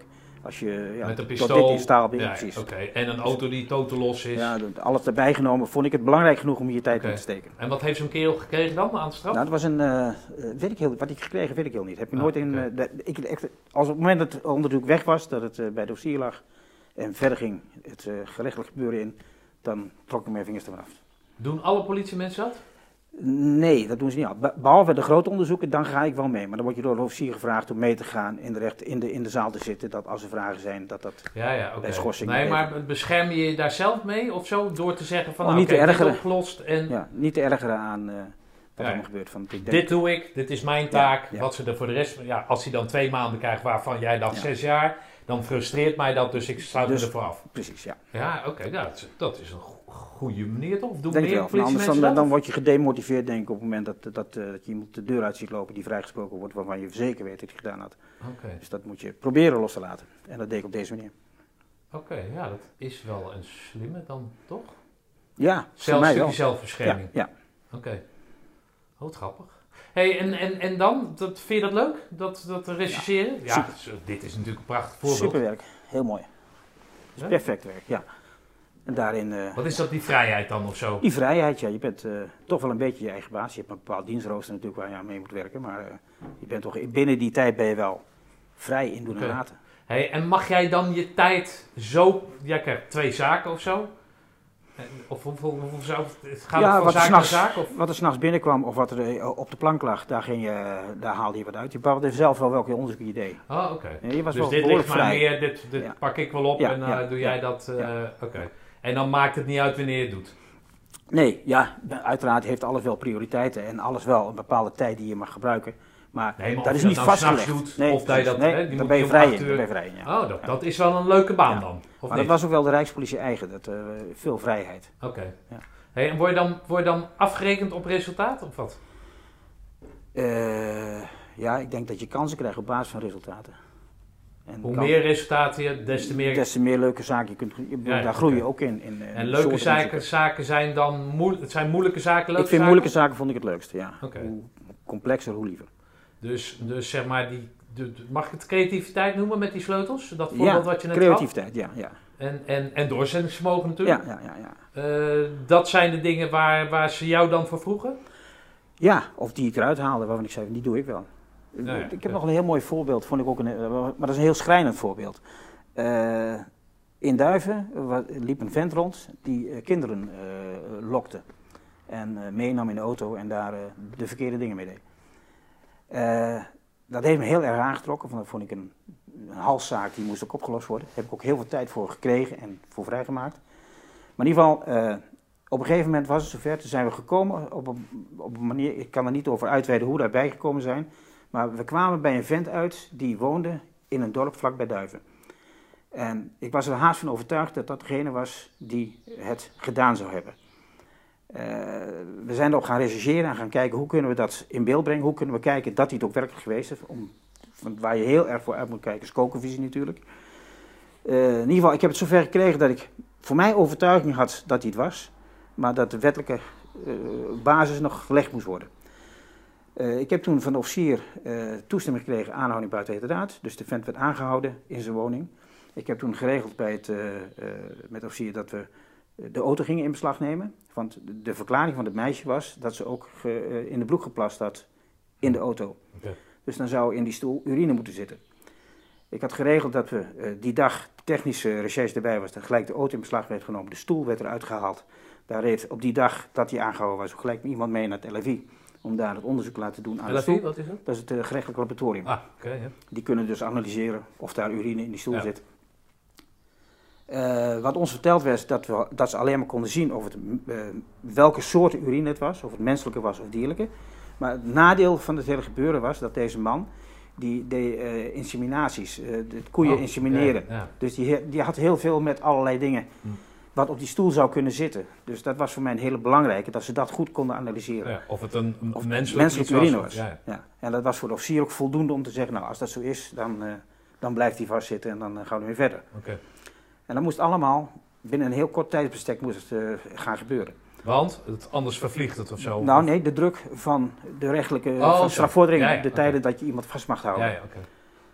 Dus alles is geregeld, alles is voor elkaar. Iemand is naar het gerechtelijk laboratorium gereden, eh, heeft die stoel laten onderzoeken. Daar kwam toen, een, binnen de tijd kwam daar het onderzoek uit. Dat er inderdaad urineresten in die stoel zaten. eh, waarvan ze niet konden zeggen of het menselijke of dierlijke urine was. Maar dat moest nog even duren voordat dat zover zou komen. Nou, dan zit je dus met een probleem. Dan heb je dus geen sluitend bewijs. Eh, dan moet je overleg plegen, wat gaan we nu doen? En toen was de officier die zei, en ik zei het ook van, ja, heel simpel. Voor mij moet het rond zijn en anders kun je niks doen. Hmm. Maar dan met pijn in je hart laat je die vent lopen. Dan laat je hem los. Hoeveel, hoeveel uur heb je dan? Hoeveel, hoeveel uur? Twee keer 24 uur. Twee keer 24. Zes, zes uur en twee keer 24 uur. Ja. Dus dat waren de tijd waarin alles, alles moest gebeuren. Nou, hij gaf geen krimp, hij helemaal niks. Eh, hij is toen vrijgelaten. En toen kregen we een week later kregen we televisie dat het toch menselijke urine was. Hm. En dan weet je dus, je hebt iemand aangehouden voor een feit waarvan je alle middelen gebruikt hebt en je niks meer kunt doen.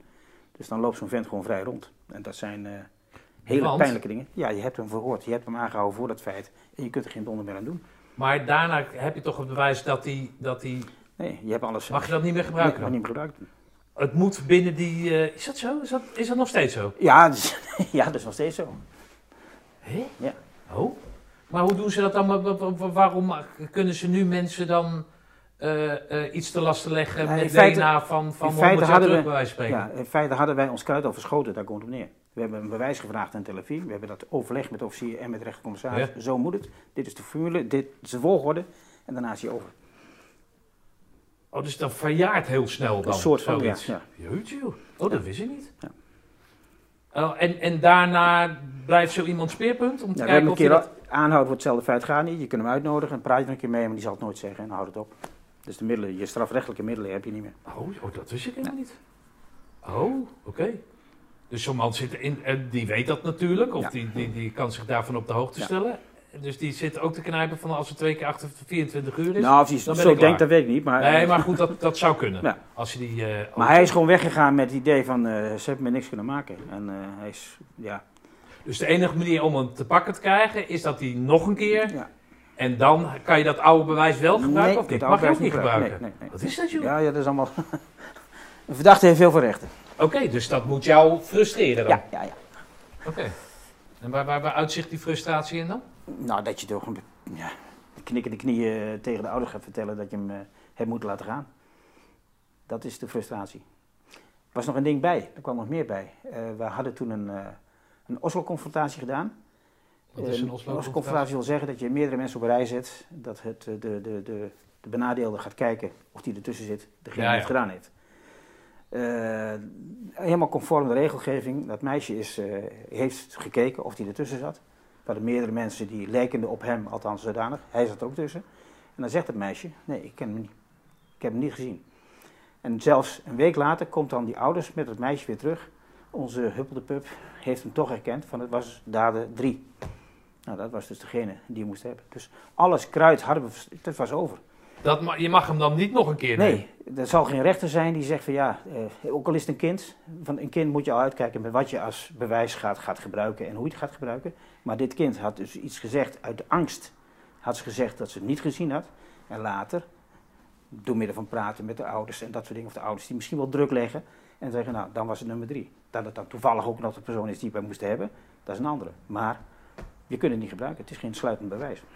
Dus er zijn heel veel Ja, frustratiezaken. maar, ja, dat kan ik me voorstellen. Maar ehm, als ik dan als politieagent, dan zeg maar met de wetenschap, hè, laten we die kerel met, dan met die, die inseminatie, dat hij dus menselijke urine op zijn stoel gevonden is. Mhm. De keer daarna, stel dat er weer zo is, je mag het niet meer gebruiken, dat eerste. Het is Maar mag kunt meenemen. Ja, maar je mag de officier mag je wel sturen op het feit van, joh, maar toen zijn we, hebben we mis.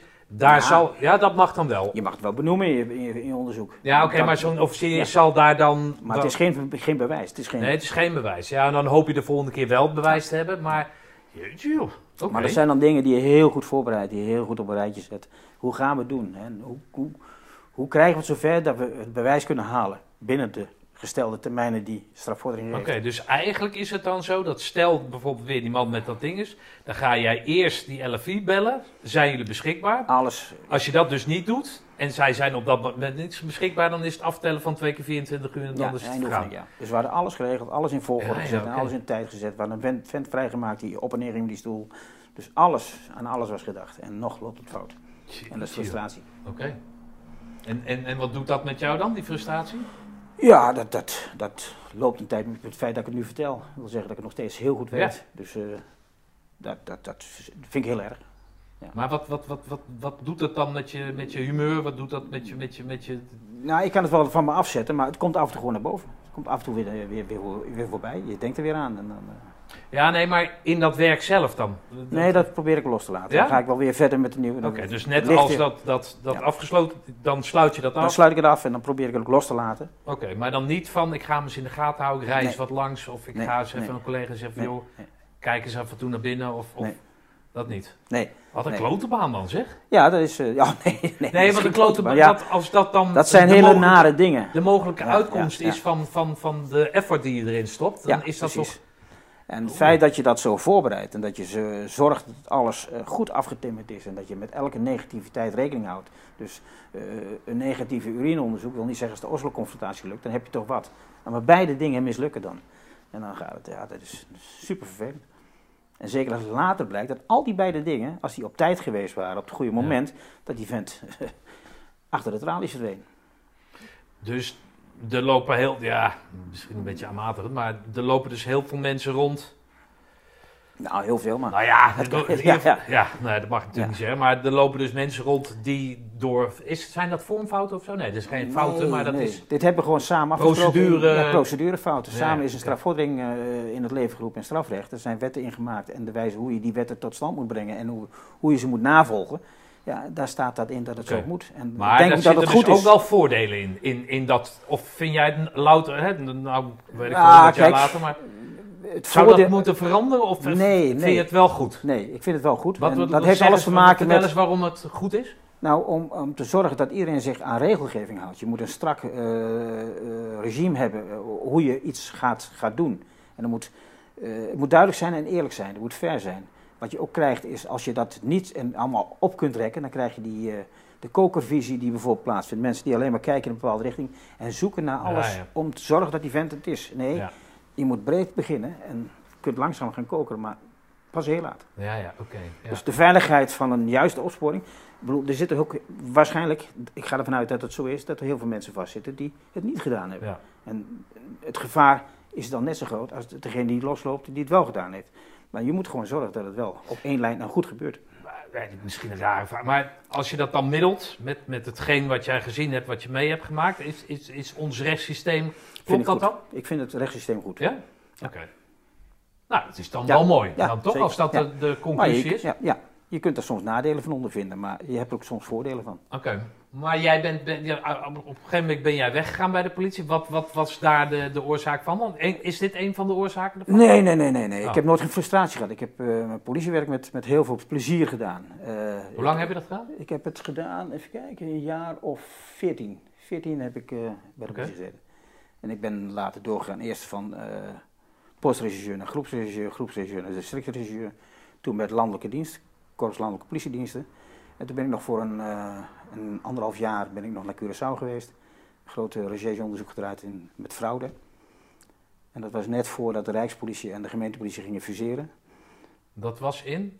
Dat was. Oeh, dat weet ik niet. Nee, nee, Toen werd het landelijke politie? ja, het werd landelijke politie, Ja, een landelijke eenheid. En eh, toen moest ik vanuit, woonde ik in Curaçao, toen moest ik terugkomen naar Nederland om daar, eh, ja, mijn, moest ik mijn uniform weer aangetrekken, dus ik kreeg een andere functie.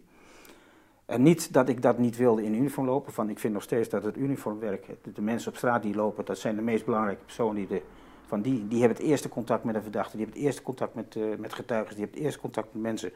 Dat zijn de meest belangrijke functies in feite die bestaan binnen de politie. Als het daar fout gaat, gaat alles daarna ook fout. Dus die moeten het goed doen. Dus dat was geen, geen, eh, geen waardeoordeel dat ik niet in uniform, maar ik was die vrijheid gewend. Ik was al zoveel, eh, ja, had ik al gedaan binnen de politie, dat ik me niet geroepen voelde om weer in de uniform te gaan. Dat was toch een strak gelijnd gebeuren. En Maar wat zou jouw functie dan worden? Want dan word je dan een rechercheur in uniform. nee, weer weg bij de Oh. recherche, weer terug de uniformdienst. Dus dan moest je een bureau aansturen of wat dan ook. Ah, oké. Oh. Dus, Dus, ze dat, maakten volgens jou niet echt gebruik van jouw talenten dan? nou, of talenten waren, weet ik niet. Maar, Nou ja. nee, maar Ik kan me ook niet voorstellen Nee. dat talenten... Nee, maar ze maakten niet van jouw expertise die jij al in al die jaren had opgebouwd. nee, ja, het was Want een hele wat nieuwe jij zegt, het bureau en Ja. landelijk, dat is elke keer een, st- een stapje Ja. hoger, grotere zaken, of niet? Ja, maar eh, wat ik al zei, de Rijkspolitie gemeente ging, samen. Er werd een hele nieuwe organisatie gebouwd. En daar eh, kreeg iedereen hele andere functies. En alles werd verdeeld en eh, op een andere manier neergezet. Oké.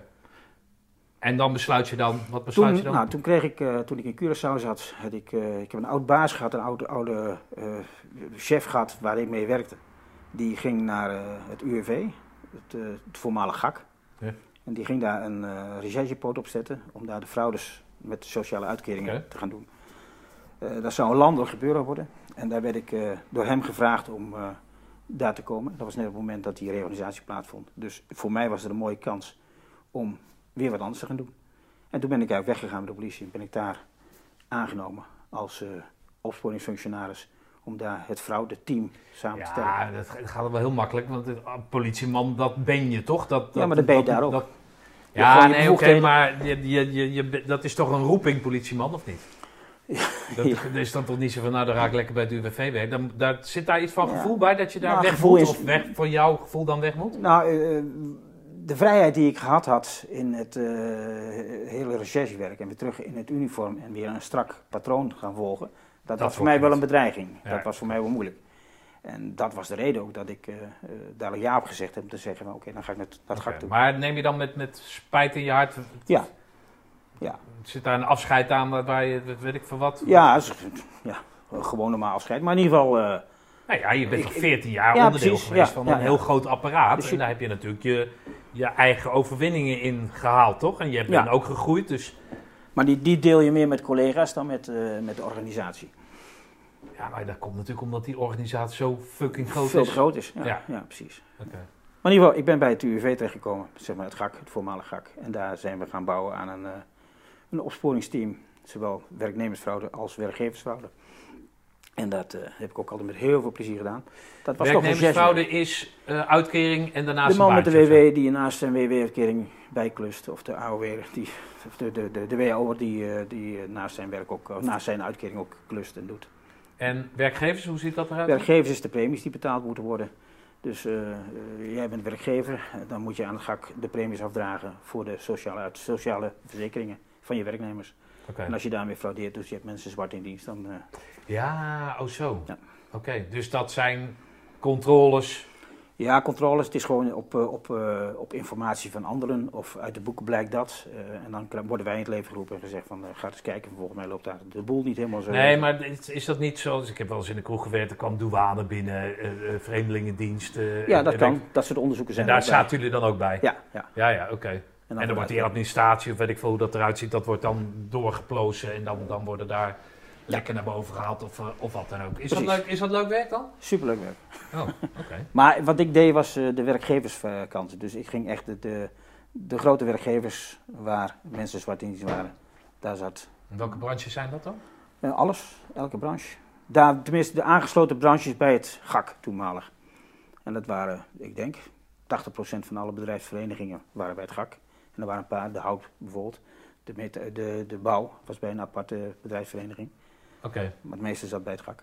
En dat zijn dan eh, mensen uit het buitenland die hier dan illegaal werken? Dat zou kunnen, maar het zijn ook Nederlandse werknemers die, eh, die naast hun uitkering zwart bij ja, oké. Die uitkering is altijd leidend. Ja, Dus je moet wel eerst van de staat gebruik maken. Als je daar Nou, geld bij verdient, wat in principe, als dat wit zou zijn, van je Ja, maar het kan ook zijn dat je gewoon. afgetrokken wordt. Ja, maar het kan ook zo zijn dat je zelf gewoon een baan hebt die heel legaal is, maar je daarnaast nog eens een keer werkt bij een werkgever die jou zwart betaalt. Dan is de werkgever het zwarte betaalde deel. Ja, daar ja, moet hij premies over afdragen en dat doet hij niet. Oké, Dus daar, daar zit het in. oké. En dat zijn ook hele grote onderzoeken geweest met eh, invallen op meerdere plaatsen in het land. En, eh, Maar leuk is dan zeg maar de grotere ja, bedrijven. het complexe. Ja, ja, oké. En dan, dan zit het bijvoorbeeld in de, weet ik veel, de, de bloembollen of zo? Weet ik Nou, wat? bijvoorbeeld de, Seizoenswerk? Bijvoorbeeld de, of- de meubelindustrie. We hebben eh, een heel groot meubelonderzoek gedraaid. Waarbij eh, heel veel zwart eh, werd eh, verloond. Dus de loonsommen heel veel zwart. Ja. Inkopen heel veel zwart. Eh, dat soort dingen om te onderzoeken. Dus dan begin je met, je krijgt informatie dat daar de boel fout zit. Nou, dan ga je kijken wat er fout zou kunnen zitten. Dan ga je eens kijken naar wat werkt daar zo, hoeveel mensen heeft hij op de loonlijst staan, wat doet hij, hoeveel zet hij om. Dan ga je die omzetten, vergelijken met de loonsom die er is.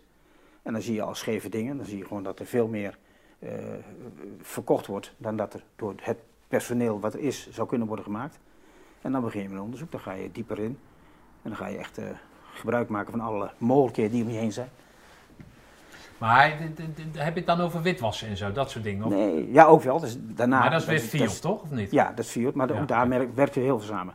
Een voorbeeld, die meubelindustrie. eh, wij eh, wisten van een bedrijf waar heel veel zwart gewerkt werd en waar heel veel zwart eh, werd verkocht. Dan ga je beginnen met, eh, eh, ik wil dan eerst weten, wat maken ze? Ze maken bankstellen. Hoe maken ze een bankstel? Eh, hoe wordt die in elkaar gezet? Eh, hoeveel hout zit erin? Hoeveel polyether zit erin? Hoeveel stof zit erin? Eh, hoeveel pootjes zitten onder een bank? Eh. Eh, als ze hem op transport zetten, gaat er een hoes om. Hoeveel hoezen hebben ze?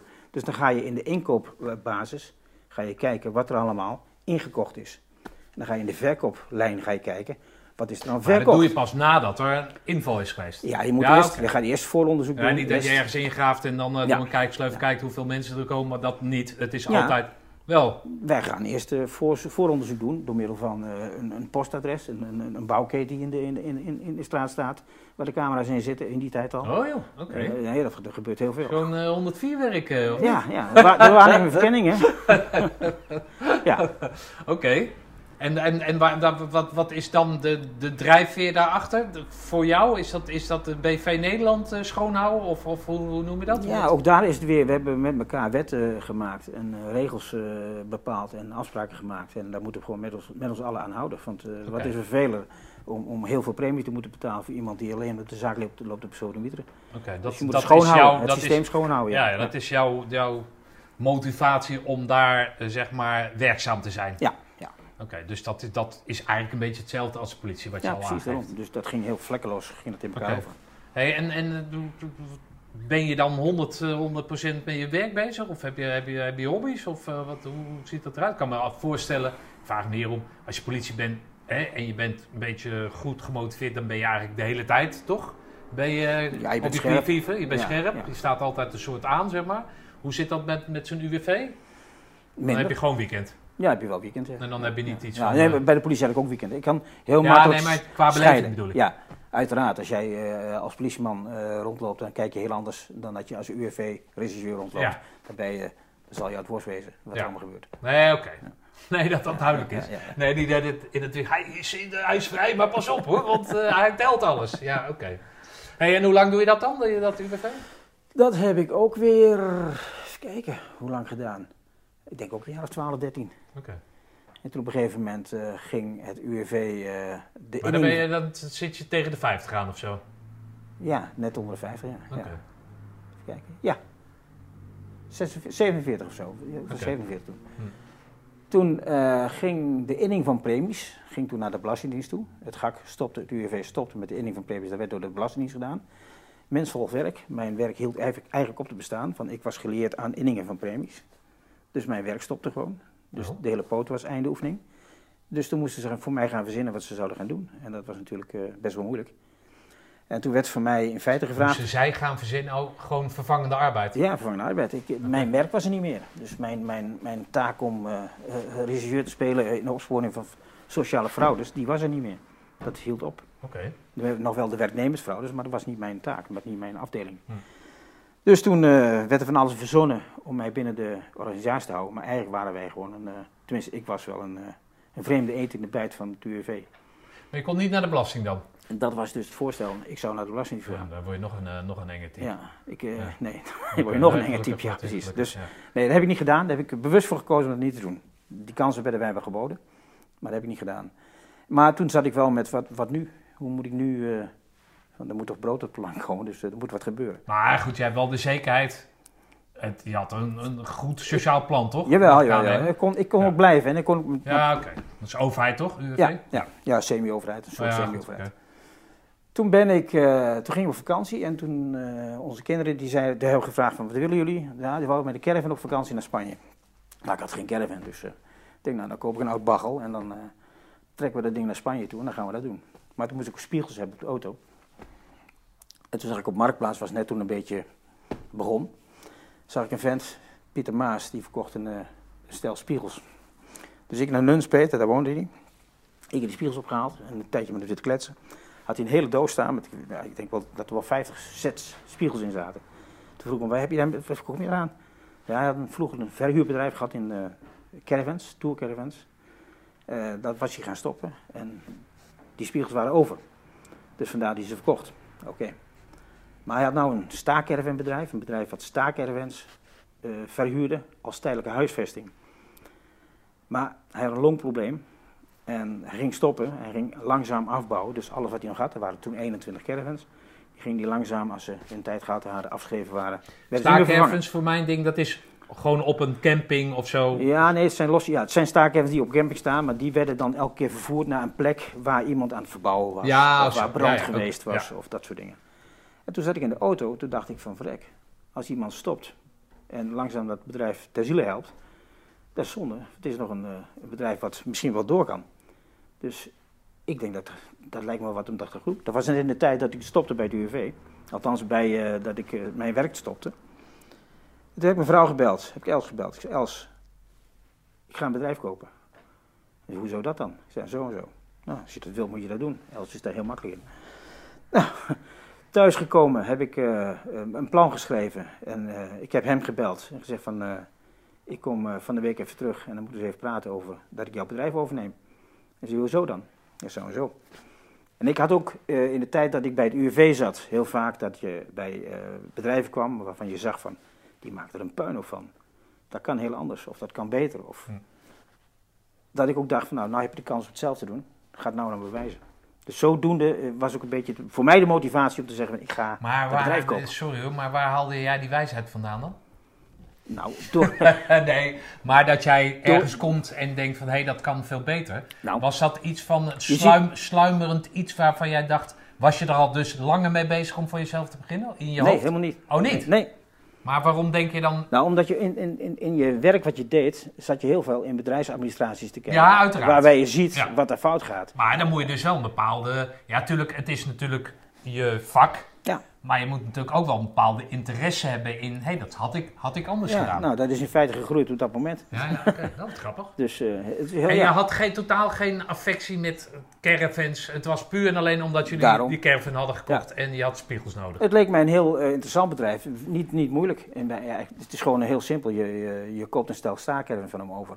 Je koopt zijn website over. En een stukje eh, extra. En gaat beginnen.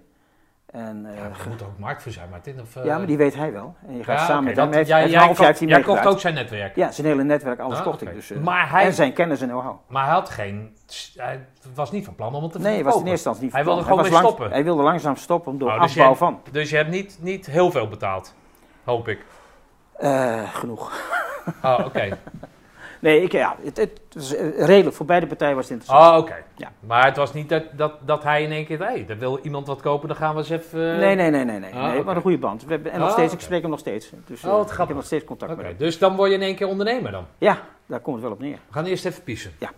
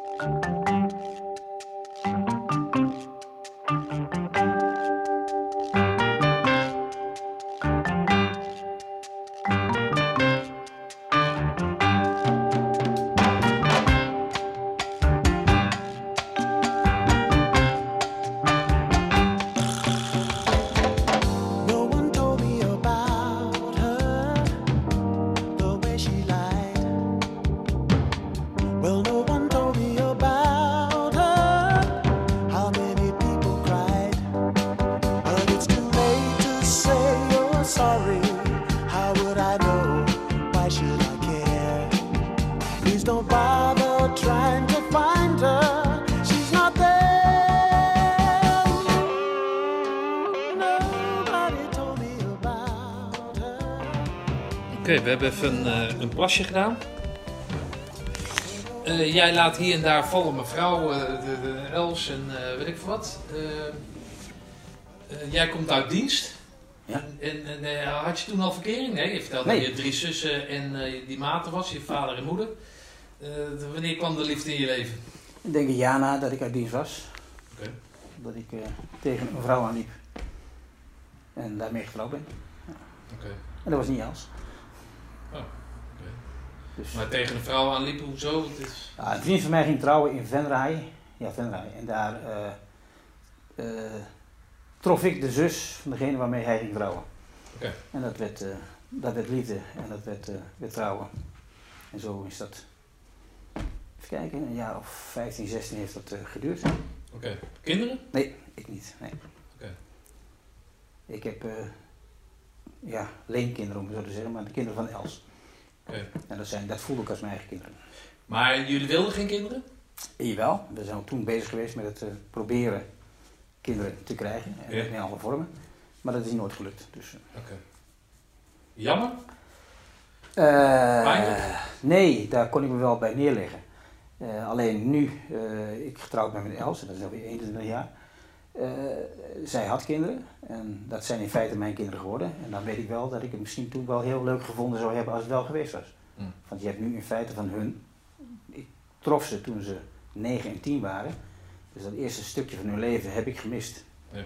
En de vervolgen helemaal wel, maar dat is wel jammer dat je dat niet mee hebt gemaakt. Dat je niet weet hoe ze En doen. heeft jouw, jouw ex-vrouw heeft die daarna kinderen gekregen? Nee, nee, nee. Ah. Dus het was iets van een Ja, fysiek iets wat... wat, wat eh, het was een eh, medisch iets wat, eh, waardoor het niet kon. Oké. Dan krijg jij kinderen van 9 en 10, hoe, maar dan, dan, dan- ja, als je ze van de jongste vaak krijgt, dan is dat ook wat wennen, weet ik. Maar hoe is dat dan? Heel erg wennen, misschien wel meer dan dat je langzaam ingroeit. Maar het was voor mij, eh, ja, nou moet je rekening houden met allerlei dingen. Met alles wat je deed, eh, de vrijheid die je had. Als je dacht van ik ga eh, een weekend weg, dan... eh, dat, dat, dat kon dan niet, althans op een andere manier. Dan moest je wat gaan, gaan organiseren. En dat, eh, maar het heeft me nooit als, als last geweest. Ik, eh, ik, heb een, ja, ik heb het prima gehad. Ik, ik vond het, ik kon het Maar goed dat- die, die breuk tussen jouw ex en jou, dat, dat kwam door omdat het boek uit was of zo? Wat, wat, wat? Ja, eh, ik denk wel dat de vrijheid die ik had toen ik een tijd in Curaçao gewoond heb, toen was Els, of Angel was in Nederland. Die had een eigen Oh, onderneming. die ging niet Die ging niet mee, naar nee. Curaçao? Dus ik was daar alleen. En dan eh eens in de zes weken kwam je een week thuis. En natuurlijk wel telefoneren, maar niet, eh, niet meer dan dat. Mm. En dat maakte wel dat je losgroeide van elkaar, dus verder van elkaar af komt te staan. Eh, ik denk wel dat daar de hoofdoorzaak gelegen heeft in, in de breuk tussen ons. Maar het was geen reden om te zeggen van nou, dan ga ik niet naar Curaçao, dan ga ik gewoon hier een baan. Nee, dat was toen was dat met goedvinden van, wij, van beide partijen, Ja, zo mij ja. zij. En ja, dat, ten tijde van die periode heeft het nooit tot, tot een probleem geleid. Maar ik merk wel dat, dat je daardoor eh, ja, verder van elkaar afraakt. Ja. En dat gaat dan in de jaren die daarna komen, gaat dat meespelen. Mm. En dan, eh, dan word je verliefd op een andere vrouw. En dan gaat dat allemaal weer de revue passeren. Ja. En dan besluit je samen om te zeggen, van, het is goed zo. Zie je haar nog? Ja. Oh ja, heb je nog een... eh, Goed contact mee. Oh, Tijd niet gehad. Maar dat is, eh, de laatste vijf jaar is het zeker weer helemaal eh Oh, wat mooi. stel. Ja. We gaan af en toe, elk jaar zeker. Nu is het even vervelend door corona. Ja. Gaan we een hapje eten. Dus, eh, Oké. ja. Nou, meerdere van de tijd zou je zeggen dat, dat kinderen dan een verbinding zijn. Dus dat je daardoor elkaar blijft zien en de Nee. gedeelde verantwoordelijkheden hebt. Maar als je dat dus niet hebt, die kinderen, dan is dat toch wel uniek te noemen. Ja, toch? klopt. Dat hoor je, ja, hoor je niet veel. Maar van de andere kant, eh, kinderen zijn ook vaak de grotere breuk in hoe mensen samen daarna verder gaan.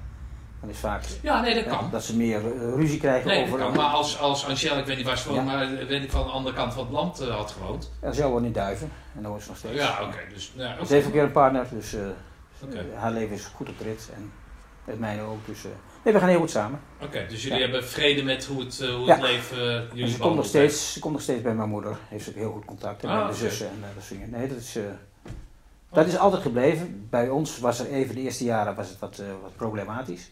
Maar dat is ja, gesleten en Hm. goed gekomen. Dus jou en Els en in combinatie Gaat met je ex. Ja, ja, ja, ja, oké.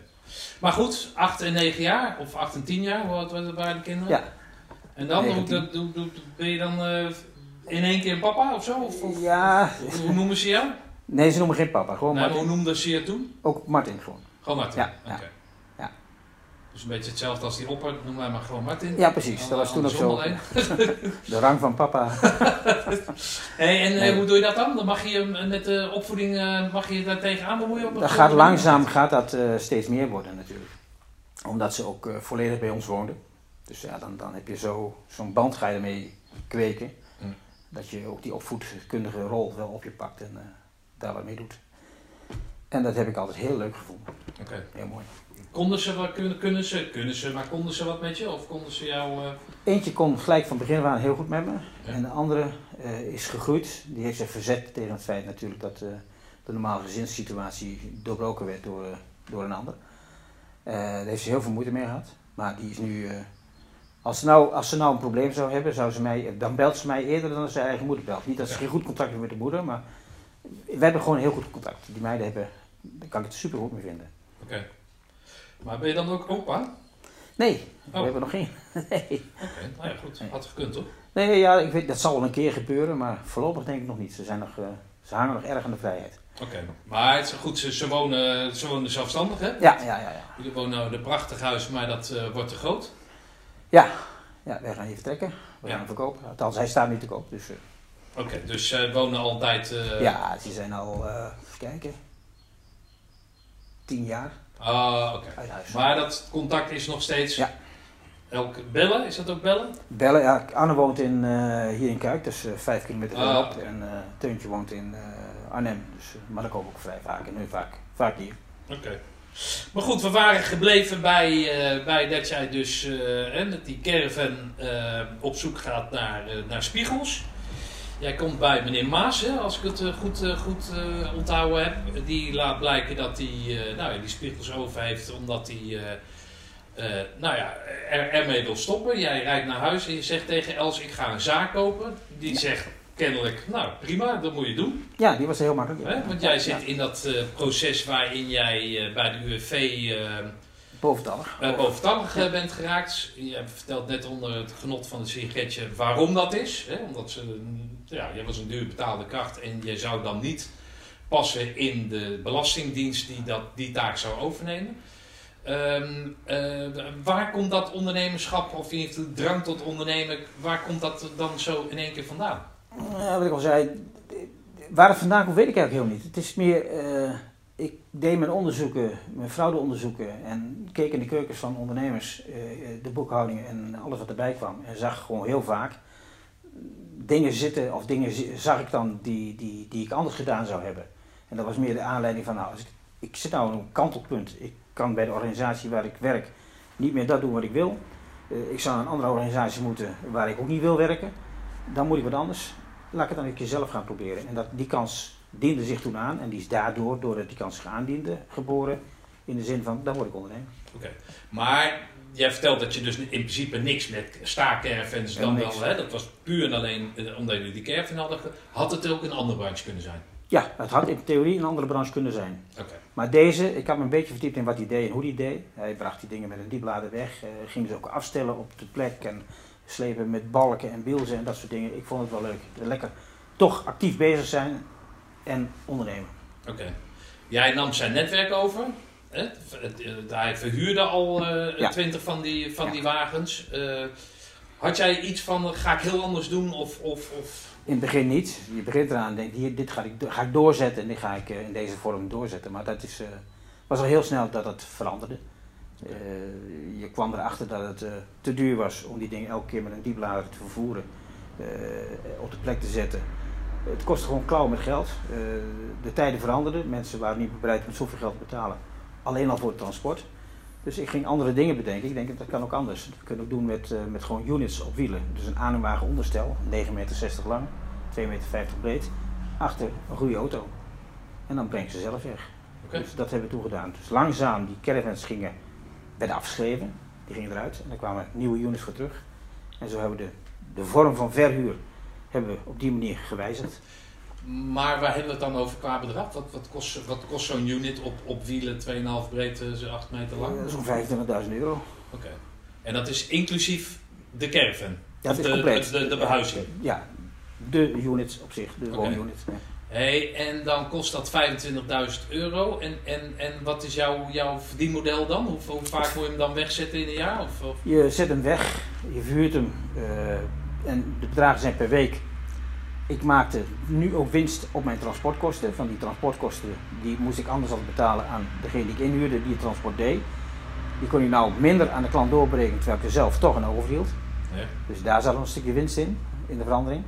En ja, de huurprijzen die het zo maakten dat, eh, dat in 2,5, 3 jaar tijd had je zo'n caravan terugverdiend. Oké. En daar zit dan een septic... Nee, net, hoe Nee, nee, ding? gewoon, hij wordt aangesloten op het riool. En Oh, gewoon... Ja, ja. vermaler in, een soort sali-broyeur die alles Ja. vermaalt en pompt het weg. Stekker in stopcontact en de waterslang aankoppelen en eh, gaan met die banaan. Dus je kan hem in principe, als er, als er riolering en stroom is, kan je hem overal neerzetten? Ja, Oké. En heb je dan ook iets... Nou ja, goed. Als er geen stroom is en als er... Of eh, werk je dan met aggregaat of zo? Dan zou je met aggregaat kunnen werken, dat heeft nooit gedaan. Dus eh, Ah, dan was voor ons... eh, kijk, wij, eh, onze verhuurdichtheid is zodanig. We hebben bijna 100% verhuurdichtheid. Dus daar hoef ik me niet druk op te maken. Dan laat ik die klant wel schieten. Oké. Hey, en hoe heb je dat marketingtechnisch aangevlogen? De website goed op orde brengen. De vindbaarheid, zorgen dat het goed komt. En doordat we een ander concept gingen doen, staken en verhuur werd al meer gedaan. Maar het unitverhuur, dat was uniek. En daardoor ja, meer aandacht vragen voor dat gebeuren. En zo'n unit staat dan wat hoger. Dat is met Ja. een trapje dan of zo? Ja, een trapje zit erbij. Ja, ja, oké. En met, met, met hoeveel kan je daar dan eh, in verpozen? Eh, vier man. Er zitten drie slaapkamers in. Eén slaapkamer kun je opdelen. Er wordt één slaapkamer, de één, één slaapkamer opdelen in twee. Dan heb je twee eenpersoonsslaap. En aan de andere kant zit een slaapkamertje. En dan kun je met stapelbedden werken. Dus als je wil, zou je er met zes man in kunnen. Dus 25.000 euro is eigenlijk niet zoveel. Nee, Of nou, wel? nou, dat hebben we uitgezocht. En eh, ik heb een fabriek gevonden in Tsjechië. En daar worden ze gemaakt. Oké. Dus zoeken, zoeken, zoeken. En proberen gebruik te En maken. dat zoeken, zoeken, zoeken, want we hebben het dan over... eh, ja, zat, je was 46, Ja, ik ben dus hoeveel jaar geleden is dat? 63. Ik ben nou... eh, dus Dus dat is 20 jaar terug of zo, Ja, ja, zo'n- 17 jaar terug. Maar toen was internet natuurlijk... Nee, even kijken. Ik, nee, even kijken, 63. Ik ben nu 15, 17 jaar ben ik nu ondernemer. Oké, maar hoe, hoe deed je dat zoeken dan? Want 17 jaar geleden was dat Ja, internet was nog niet echt eh, optimaal, maar daar vond ik het wel. Ik, we gingen wel zoeken. Op internet? Ja, ja, ja. Oh, het was niet gewoon lukraak de wereld, weet ik veel wat, verkennen op, op dat soort dingen. Dat, Nee, ik had op een gegeven moment had ik, eh, een, een, eh, een idee bedacht van een mobiele toilet, een mobiele badkamer. Omdat mensen vaak hun badkamer verbouwen en dan bij de buren moeten douchen of eh, naar open oom met een handdoekje onder haar. Dus toen dacht ik van dat kan anders. Als je gewoon mo- mobiel zo'n badkamer hebt, die zet je op de oprit neer. Men kan gebruik maken van het ding. En als die klaar is, halen wij hem weer op. Maar die moeten wel gemaakt worden. We hebben zelf zo'n ding laten maken bij een bedrijf hier in Nederland. En eh, toen hadden we dat ding, was operationeel, draaide goed. Toen dacht ik, nou, dat moet meer hebben. Die gaan we uitbreiden, want dat is interessant. Toen zag ik in de Telegraaf een stukje dat op eh, de Sani-beurs, een of andere beurs in Utrecht, daar stond iemand met een mobiele badkamer. En ik denk, godverdomme, dat is mijn idee. Daar moet ik naartoe. Dus gelijk in de auto gestapt, naar die beurs toe, kijken. En daar stond een vent, die had die, nou, schitterend apparaat. Mooier dan wij hadden.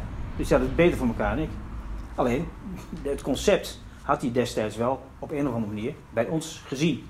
En was daar zelf op gaan ontwikkelen. Ja. En had een bedrijf gevonden in Tsjechië die voor hem die badkamer maakte. Dat wist ik op dat moment nog niet.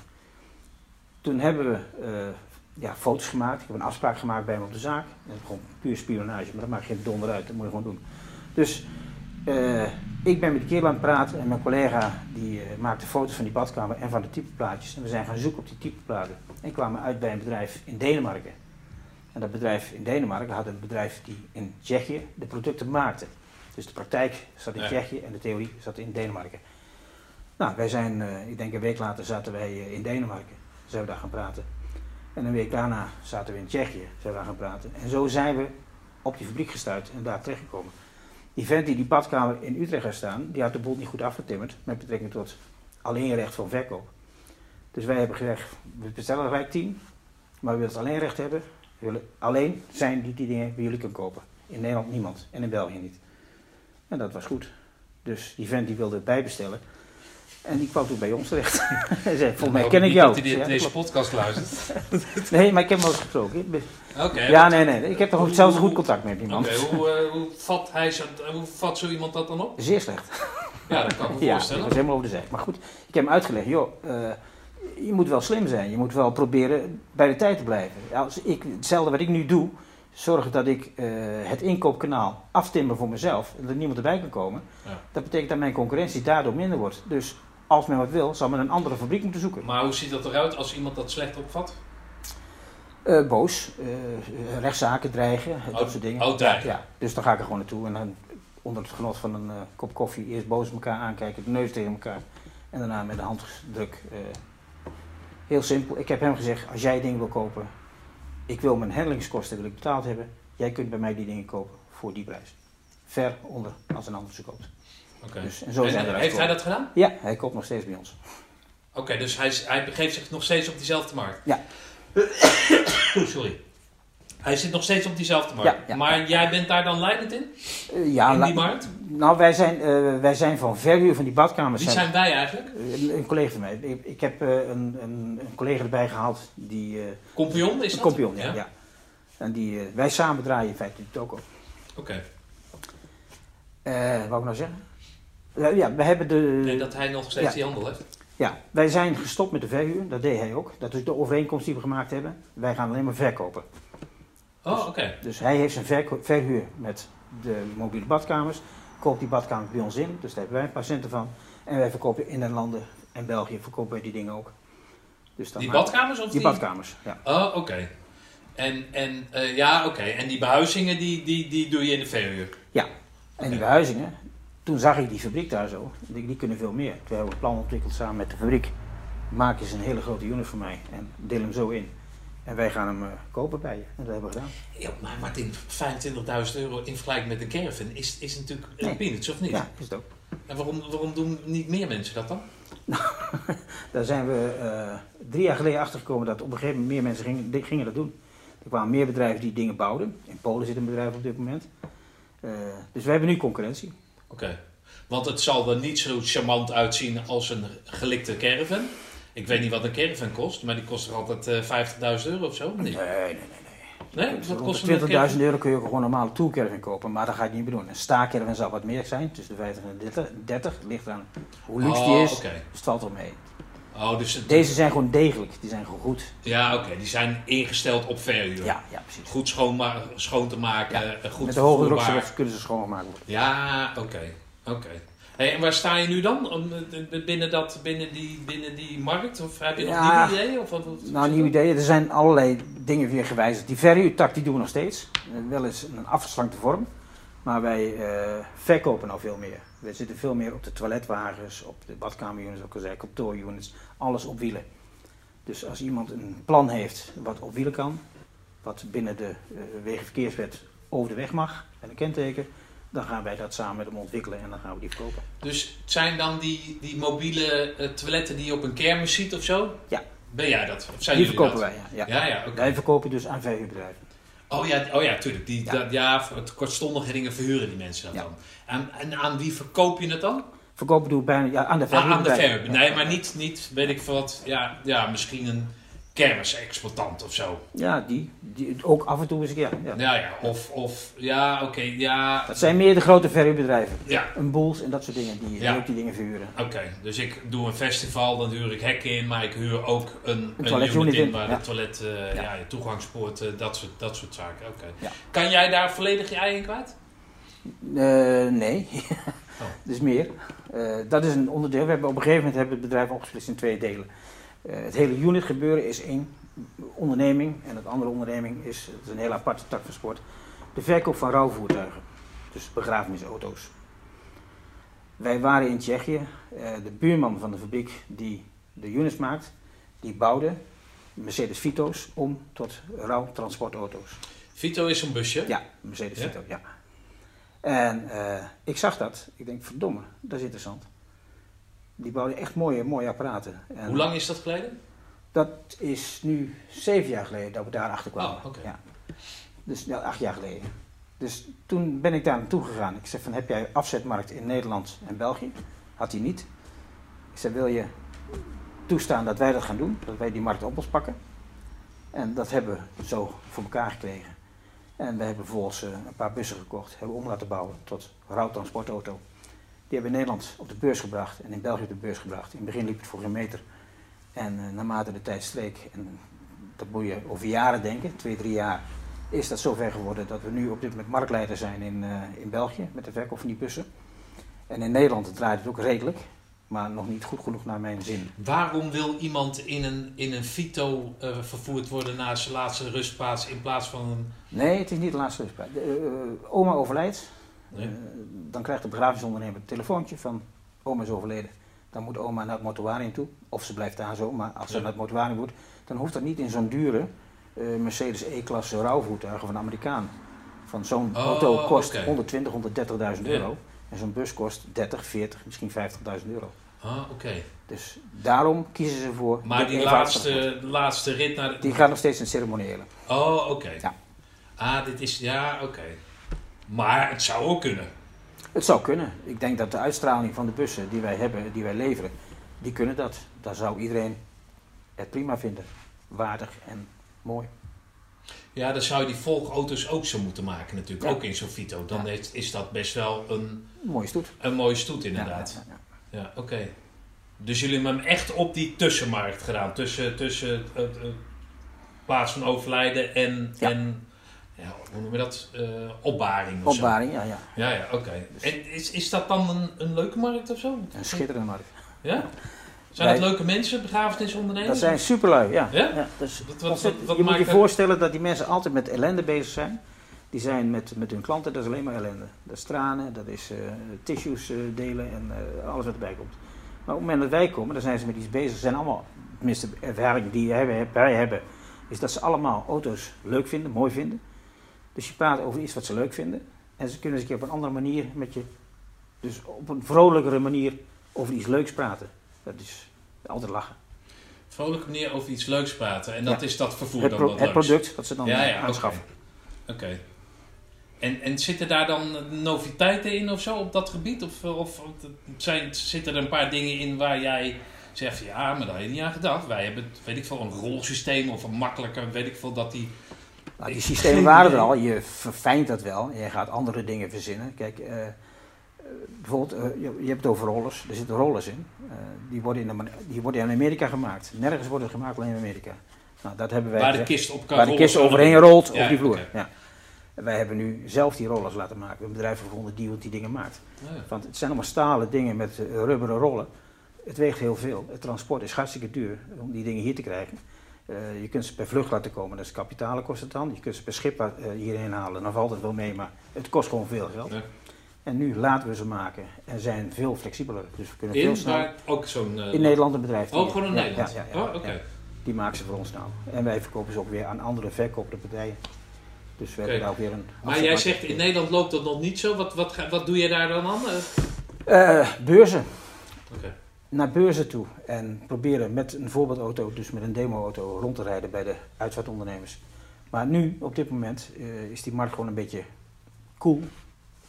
Eh, de corona die maakt voor ons ook dat we veel minder markt hebben. We hebben geen, eh, geen beurzen, dus we kunnen ons niet laten zien wie we zijn. Dat is over. Dus we moeten echt hebben van de koude acquisitie, of althans erachteraan. Of van de mensen die toevallig bellen.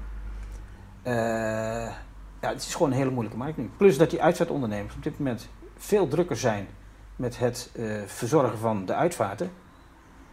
Waar ze er meer van hebben en waar ze veel minder mee verdienen. Dus die zijn in het investeren, zijn ze even een pas op de plaats aan het Ja, maken. Dus wij merken dat echt dat eh, die markt een beetje down is. Oké. Maar gaat het dan in jouw ondernemershoofd, of in jullie ondernemershoofd, gaat het dan borrelen om zaken anders aan te vliegen, aan te pakken, andere marketingstrategieën erop los te laten? Of, Nou ja, marketing. Wij, gaan, eh, wij zijn op dit moment bezig. We hebben bijvoorbeeld een inkoop eh, in Tsjechië. Wij kopen heel goedkoop die Mercedes Vito's in. Daar stonden er vijf, eh, nee, even kijken. Twee stonden nu klaar die ingebouwd moesten worden, maar daar was nog geen klant voor. Dus daar staan auto's te kijken die nieuw zijn, die ingebouwd moeten worden. En je kunt er geen klant mee op. En je verkoopt ze op het moment even niet. Nou zijn we bezig met het ombouwen naar een camper. Naar een zeg maar, Marco Polo met een hefdak erin. En een camper Diezelfde inrichting. Vito? Diezelfde Vito's. Die kunnen daar, daar ook voor gebruikt worden. Die hebben er nou twee laten maken. Die zijn over een week of vier zijn ze klaar. En we hebben ze al verkocht. Dus eh, we gaan nou die markt eens gaan kijken of daar eh, wat in zit. Want we moeten verder. Van als we niks doen, dan eh, Oké. de markt droogt op. En dan wordt het daar ook weer goedkoper geproduceerd dan een kant-en-klare Wij camper. kunnen weer heel erg concurreren. We hebben een gigantische inkoopkorting op de Mercedes, wat ik al zei. En daarbij eh, een, van de laagloonlanden, Tsjechië, waarbij ze goede producten maken tegen weinig geld voor de werken, werkzaamheden die ze doen. Dus wij kunnen heel goedkoop kunnen wij die bussen leveren. Oké. Maar komen zij met die techniek of geven jullie een voorzetje of hoe, hoe gaat dat? Ik ga kijken wat er allemaal is, wat er allemaal speelt in de wereld. Ik ga, eh, ik ga bij camperbedrijven kijken. Ik loop zo'n bus in en ga kijken hoe het in elkaar steekt. En, wat, eh, wat, eh, en dan laten we dat daar maken. Ja, ja oké. Dus jij geeft een voorzetje, Ja. ik zou zo'n kanteldak willen hebben, dit zijn de Ja. voorbeelden. Eh, wat vragen jullie ervoor? Ja, we gaan zoeken naar leveranciers van kanteldaken. We gaan zoeken naar leveranciers van banken die plat kunnen waar een bed kan van gemaakt worden, waar ook de gordels in zitten en dus aan de eisen voldoen die, die nodig zijn. Want alles heeft met, met wettechnische eisen te maken. Dus je moet, er moeten gordels in zitten, hij moet safe zijn, hij moet vast zijn aan de grond, hij op een bepaalde manier. En de verankering moet goed zijn. En, Hm. Dus dan kopen we gewoon goede spullen. Hey, luister eens, ik heb een aantal mensen gesproken die zaten een beetje in het avontuur. En die, die, die, die zeggen allemaal van ja, het is nu een klote tijd. Verdien geen, geen, geen pepernoot om het zo maar te zeggen. Maar als het allemaal losgaat, hè, of, dan, hè, of losgaat in de zin van dat alles weer eh, mag, dan gaat het helemaal los en wil iedereen Ja. op verre reis, eh, weet ik veel. Is dat, is, zien jullie dat ook als eh, Nou, perspectief? Dat is wel de, de, de, het toekomstbeeld wat ik zie met, eh, met campers. ja. Ja. Ik zie wel, en dat merk je nu al, want wat ik al zei, die twee zijn al verkocht. Oké. Dus dat gaat, dat gaat echt wel een sprong nemen. Dus dan gaan we ons daarop richten. Hoe concurrerend zijn jullie daar dan in, in, in vergelijking met de bestaande campermarkt? Wij zijn concurrerend in de vorm van de, van de prijs. Ja, snap ik, maar De kwaliteit dat? Ik denk voor de consument, ik denk 10, 12 procent. Oké. En dat is een hoop geld. En dan praten we over een camper van? Eh, Zo'n Marco Polo die kost, denk ik, als je hem in een normale markt koopt, rond een ton. Oké, En wij zetten hem voor 85, 87 op de markt. oké. Oh, dat, dat is concurrerend Ja, inderdaad. ja, Ja. behoorlijk. Dus daar zie jij perspectief in? Ja. Maar dat, dat begraven, dat zal natuurlijk ook... eh, Dat blijft doorgaan en dat zal een keer gebeuren. En dat gaat, denk ik wel, als het weer over is en alles weer normaal is en de begrafenisondernemer weer zijn normale uitvaarten kan doen. Want daar heb je nu ook maximaal 50 Ja. mensen. Het broodje koffie, of, eh, het- het broodje, de plak cake en de koffie. Maar voor 50, terwijl misschien normaal voor 100, 150 of 200 man is. Ja. Dus zijn inkomstenstroom is ook gigantisch gezakt. Dus die investeert voorlopig niet. Maar als corona voorbij is, kan hij weer normaal zijn werk gaan doen. En dan zal hij weer wel gaan investeren. Dus die markt laten we niet los. Dan gaan we Nee, weer verder. En als alles weer geno- genormaliseerd is, eh, ga- blijf je dan consolideren? Of, of ben jij nu in dat ondernemerschap van de laatste eh, twee decennia of zo, ben, word jij, ben je daarin gekieteld dat je altijd om je heen blijft kijken, het internet afspeuren op alles wat op jullie gebied...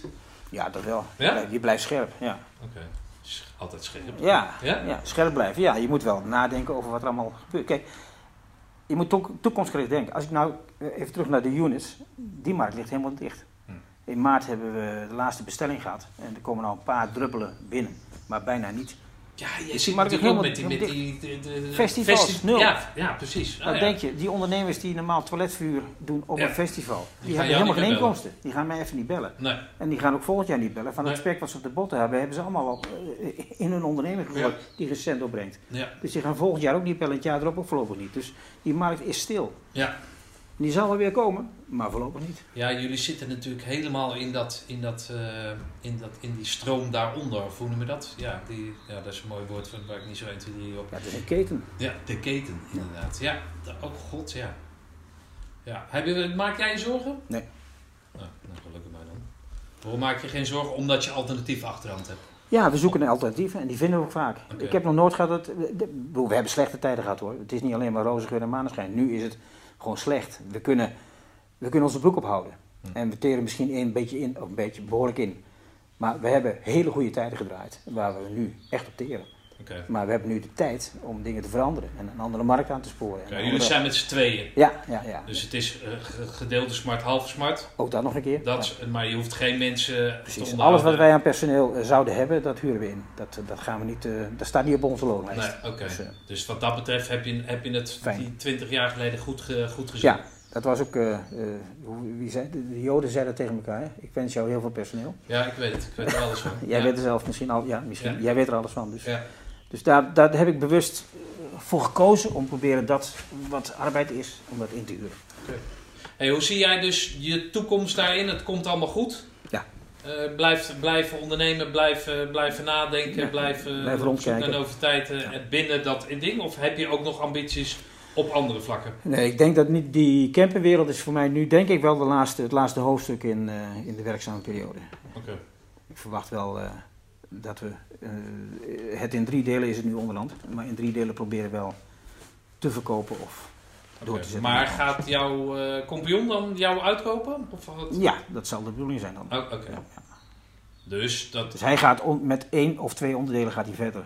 En ik denk dat hij verder gaat met de rouwauto's en de, de bussen, de campers. En dat die jongens langzaam...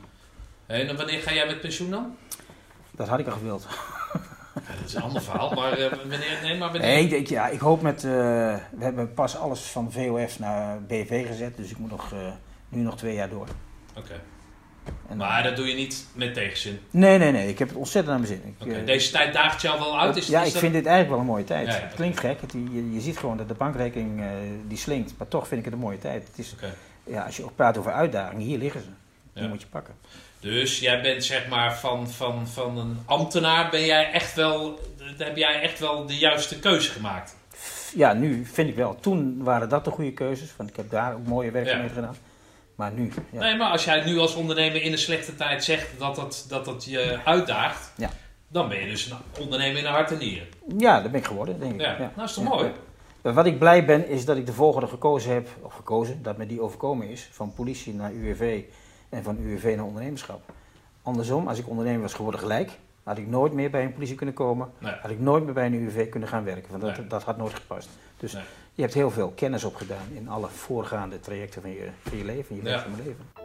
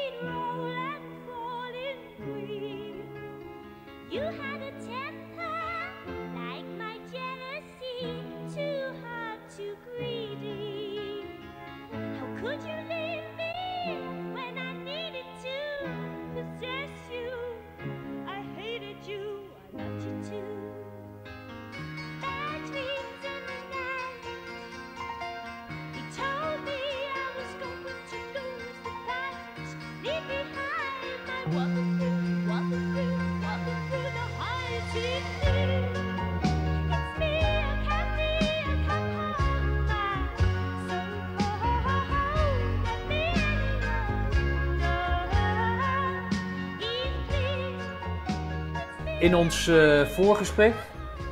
Het zou kunnen zijn dat de opname hiervoor ietsjes minder is, omdat ik even eh, weer in slaap gevallen was. Ehm, hebben wij het eh, gehad over, over jouw bemoeienissen met het korps. Ja. En nou, dat is niet, niet gering, zeg maar. Dat had ik, had ik niet, zo, nou, niet zo ingeschat, maar dat wist ik niet. Kan je daar eens wat over vertellen? Wat jij sinds je diensttijd, om het even kort samen te vatten. Jullie zijn met z'n 28 eh, zijn jullie eh, eh, uit die ECO gekomen. Ja. Een jaar of tien nadat jullie uit dienst zijn gegaan, hebben jullie de reunie, zeg maar, een soort uitgevonden met elkaar. Eén keer in de vijf jaar na, naast de korpsreunie komen jullie samen als, als, als, als peloton. Eh, dat vind ik uniek, omdat ik dat binnen onze peloton niet heb. Eh, kan jij eens vertellen waar, hoe, dat, hoe dat gekomen is? Dat jullie zo'n hecht... Komt dat allemaal uit die ECO? Komt dat, weet ik van, ja, feestpeloton? Dus misschien dat jullie het, het, het, het werk met, eh, met de vrije tijd goed konden verenigen, daarin goed konden vinden. Maar hoe, hoe, hoe werkt dat dan in al die jaren?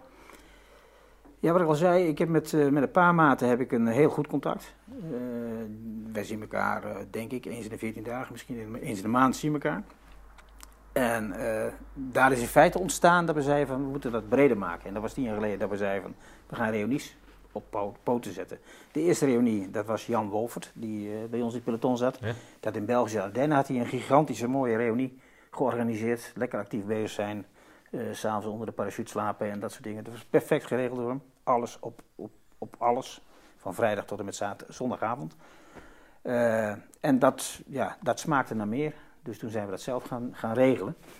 Eh, ja, we hebben heel veel gedaan. We zijn naar Schotland geweest met z'n allen. We waren met 18 man Maar hoe doe jij dat dan? Want hè, dat, appgroepen waren, waren toen niet. eh, Mail, nou, misschien ook nog niet eens.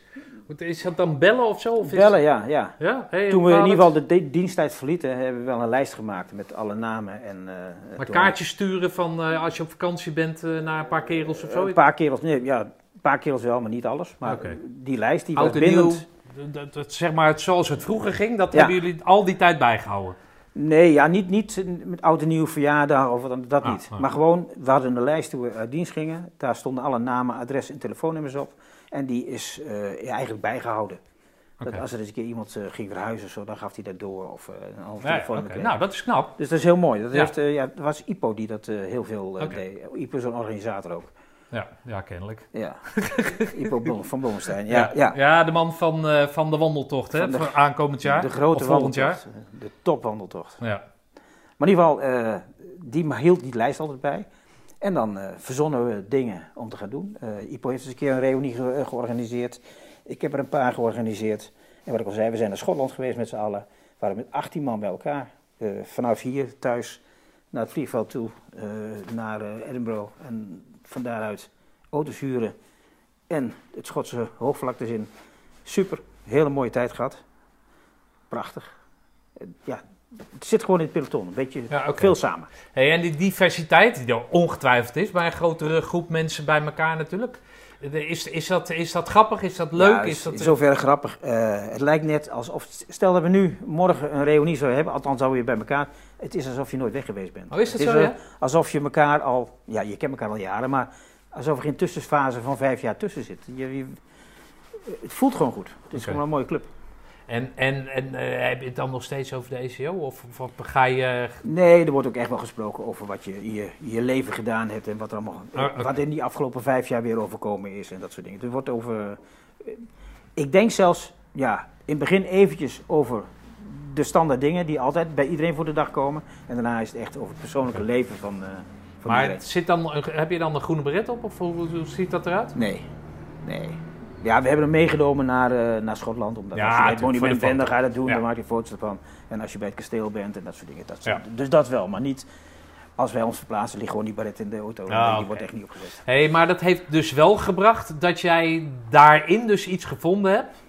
Eh, waarin jij je op een of andere manier verbonden hebt. Of op, op een nadere manier verbonden hebt met het, eh, met het korps. Kan je daar eens wat over Ja, vertellen? het is, het is, eh, organiseren zit een beetje in mijn bloed. Dat, dat was in de tijd van de politie, regel ik allerlei uitstapjes met z'n allen. Dat zit een beetje in, in je, dat, dat zit in je, dat ga je doen. Nou, dat is dat ding dat jij niet zelf op de bar gaat staan, maar jij gaat wel Ja, zorgen dat je mensen op de de bar zet. daar zijn, dat het wel Jij kan. vraagt hem van uh, degene achter de bar, doe even wat harder die muziek, Ja. nog tien bier en een beetje dat. Dat is jouw functie. Nou, en zo ben ik door het ondernemerschap, eh, zag ik eh, het korps, eh, de, de, de Commando Business Club voorbij komen. Ik denk, hé, hey, verrek, zou dat wat zijn? Toen ben ik een keer naar zo'n avond geweest. En ik heb me eens laten informeren wat het allemaal inhield. En ik vond het een mooie club. Ik heb daar een hele mooie tijd hebben daar. En daar ben ik op een gegeven moment in het bestuur gekropen. Sorry dat ik je onderbreek, maar Ja. kan jij eens vertellen wat is die Commando Business Club? De Commando Business Club zijn eh, eh, oud-commando's of mensen die eh, voldoen aan de criteria om ook naar een reunie te gaan. Dus als je zoveel maanden bij het korps bent geweest, ondersteunend bent geweest, je hoeft geen groene bret te hebben. Maar in ieder geval verbondenheid met dat korps op de manier zoals dat ook gehandhaafd wordt tijdens een reunie, wat ik al zei als voorbeeld. Eh, daar zijn allerlei eisen of restricties aan verbonden om te mogen komen. Nou, dat is bij ons eigenlijk net hetzelfde. Dat is een club mensen die eh, ondernemer zijn of een bepaalde functie hebben binnen een, eh, binnen een onderneming. eh, die elkaar een klein beetje ja, het kruis bestuiven, elkaar wijzer maken in de zin van als je een vraag hebt, ondernemerstechnisch, dat je, dat, dat je gehoor krijgt en dat iemand zegt van oh, dat moet je zo doen of dat, daar weet ik iemand voor of die kan dat en die kan dat leveren. Op die manier een klein beetje met elkaar verbinden. Dus de groene beret is daar dan, afgezien van dat je ook an- op andere manier daarbij aangesloten kan zijn. Maar die groene beret is daar verbindend in. En dan vind je elkaar in het ondernemerschap. Is, is, is, dat, is dat de mis of de doelstelling? Is dat het ding waarvoor je daarbij? Wat, wat, wat zoek je daar dan? Wat, wat moet je daar? Ik ben een ondernemer, bij wijze van spreken. Ja. En, en, en dan heb ik een groene beret. En, en waarom zou ik dan aangesloten moeten zijn bij die businessclub?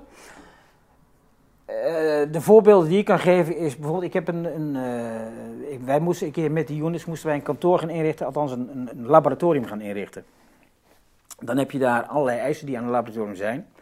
Eh, een bepaalde druk of onderdruk, er moet een bepaalde temperatuur zijn, een bepaalde vochtigheid.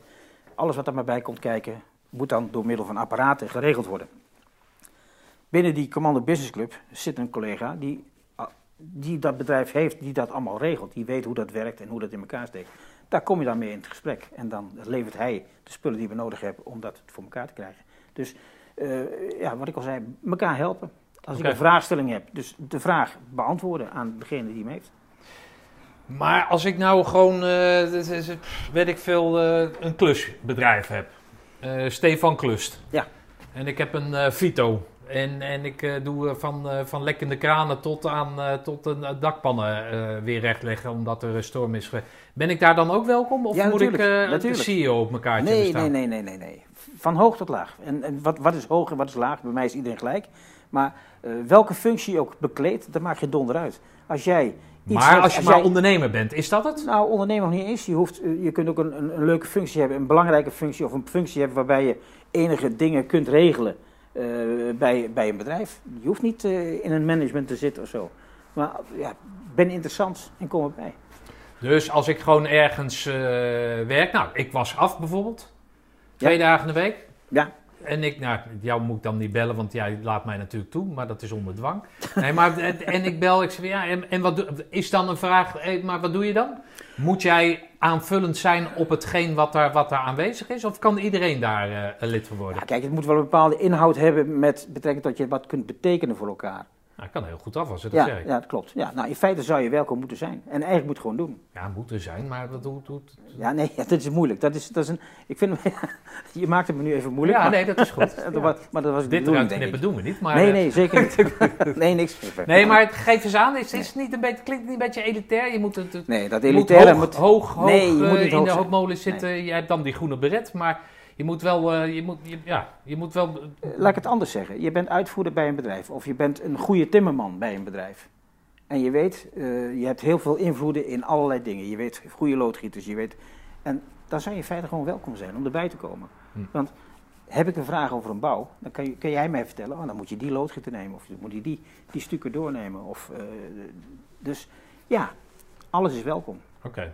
Maar Stralen jullie dat ook uit? Nee, je Nou. moet je ook zelf geroepen voelen om erbij te willen komen. Ja, maar dan moet ik het wel weten. Ja, precies. ja. En dat is dus waarvan ik vind dat we daar veel meer duidelijkheid in En hoe gaan jullie dat doen dan? Of hoe gaan jullie, jij dat doen? Ja, wij hebben ons wat meer eh, toegelegd op de stichting. Dus we gaan meer contacten zoeken met die stichting. Daar zijn we volop mee bezig. De stichting eh, die er is. We hebben eh, Welke stichting is die, die er is? Welke bedoel de je dan? stichting van het Korps. Dus de, De Commando-stichting. De Commando-stichting, ja. Ja. Wij eh, gaan meer verbindingen zoeken met de clubs die in de landen zijn. Dus de, De verenigingen. Eh, en ik zie ook dat daar verenigingen bij zijn die heel goed, eh, goed werken in de zin van dat ze proberen verjonging te krijgen in hun, in hun club. Dat ze mensen erbij halen die nog in een werkzaam proces zijn. Noord-Holland bijvoorbeeld vind ik, een, vind ik een machtige mooie club. Geldland is er een van. Er zijn verenigingen die actief bezig zijn. Die proberen leden te werven en mensen erbij te halen. Verbindend zijn. Eh, nou, daar willen wij ons ook profileren natuurlijk. En daar kunnen we toch mensen halen. We moeten denk ik veel meer op social media wat gaan doen. Eh, daar moeten we ons meer op toeleggen. Dat hebben we een tijd gedaan en dat is een beetje op de achtergrond geraakt. Eh, wat we nu ook doen is, de reunie komt er weer aan. We hebben ons verbonden met de reuniecommissie. Ik zit in de reuniecommissie van de Oh, jij zit in die Ja, ja. reuniecommissie? Oké. Dus eh, daar proberen we dus verbinding te leggen. Eh, duidelijk te maken wat we doen, wat we kunnen en wat we ja, voornemend zijn.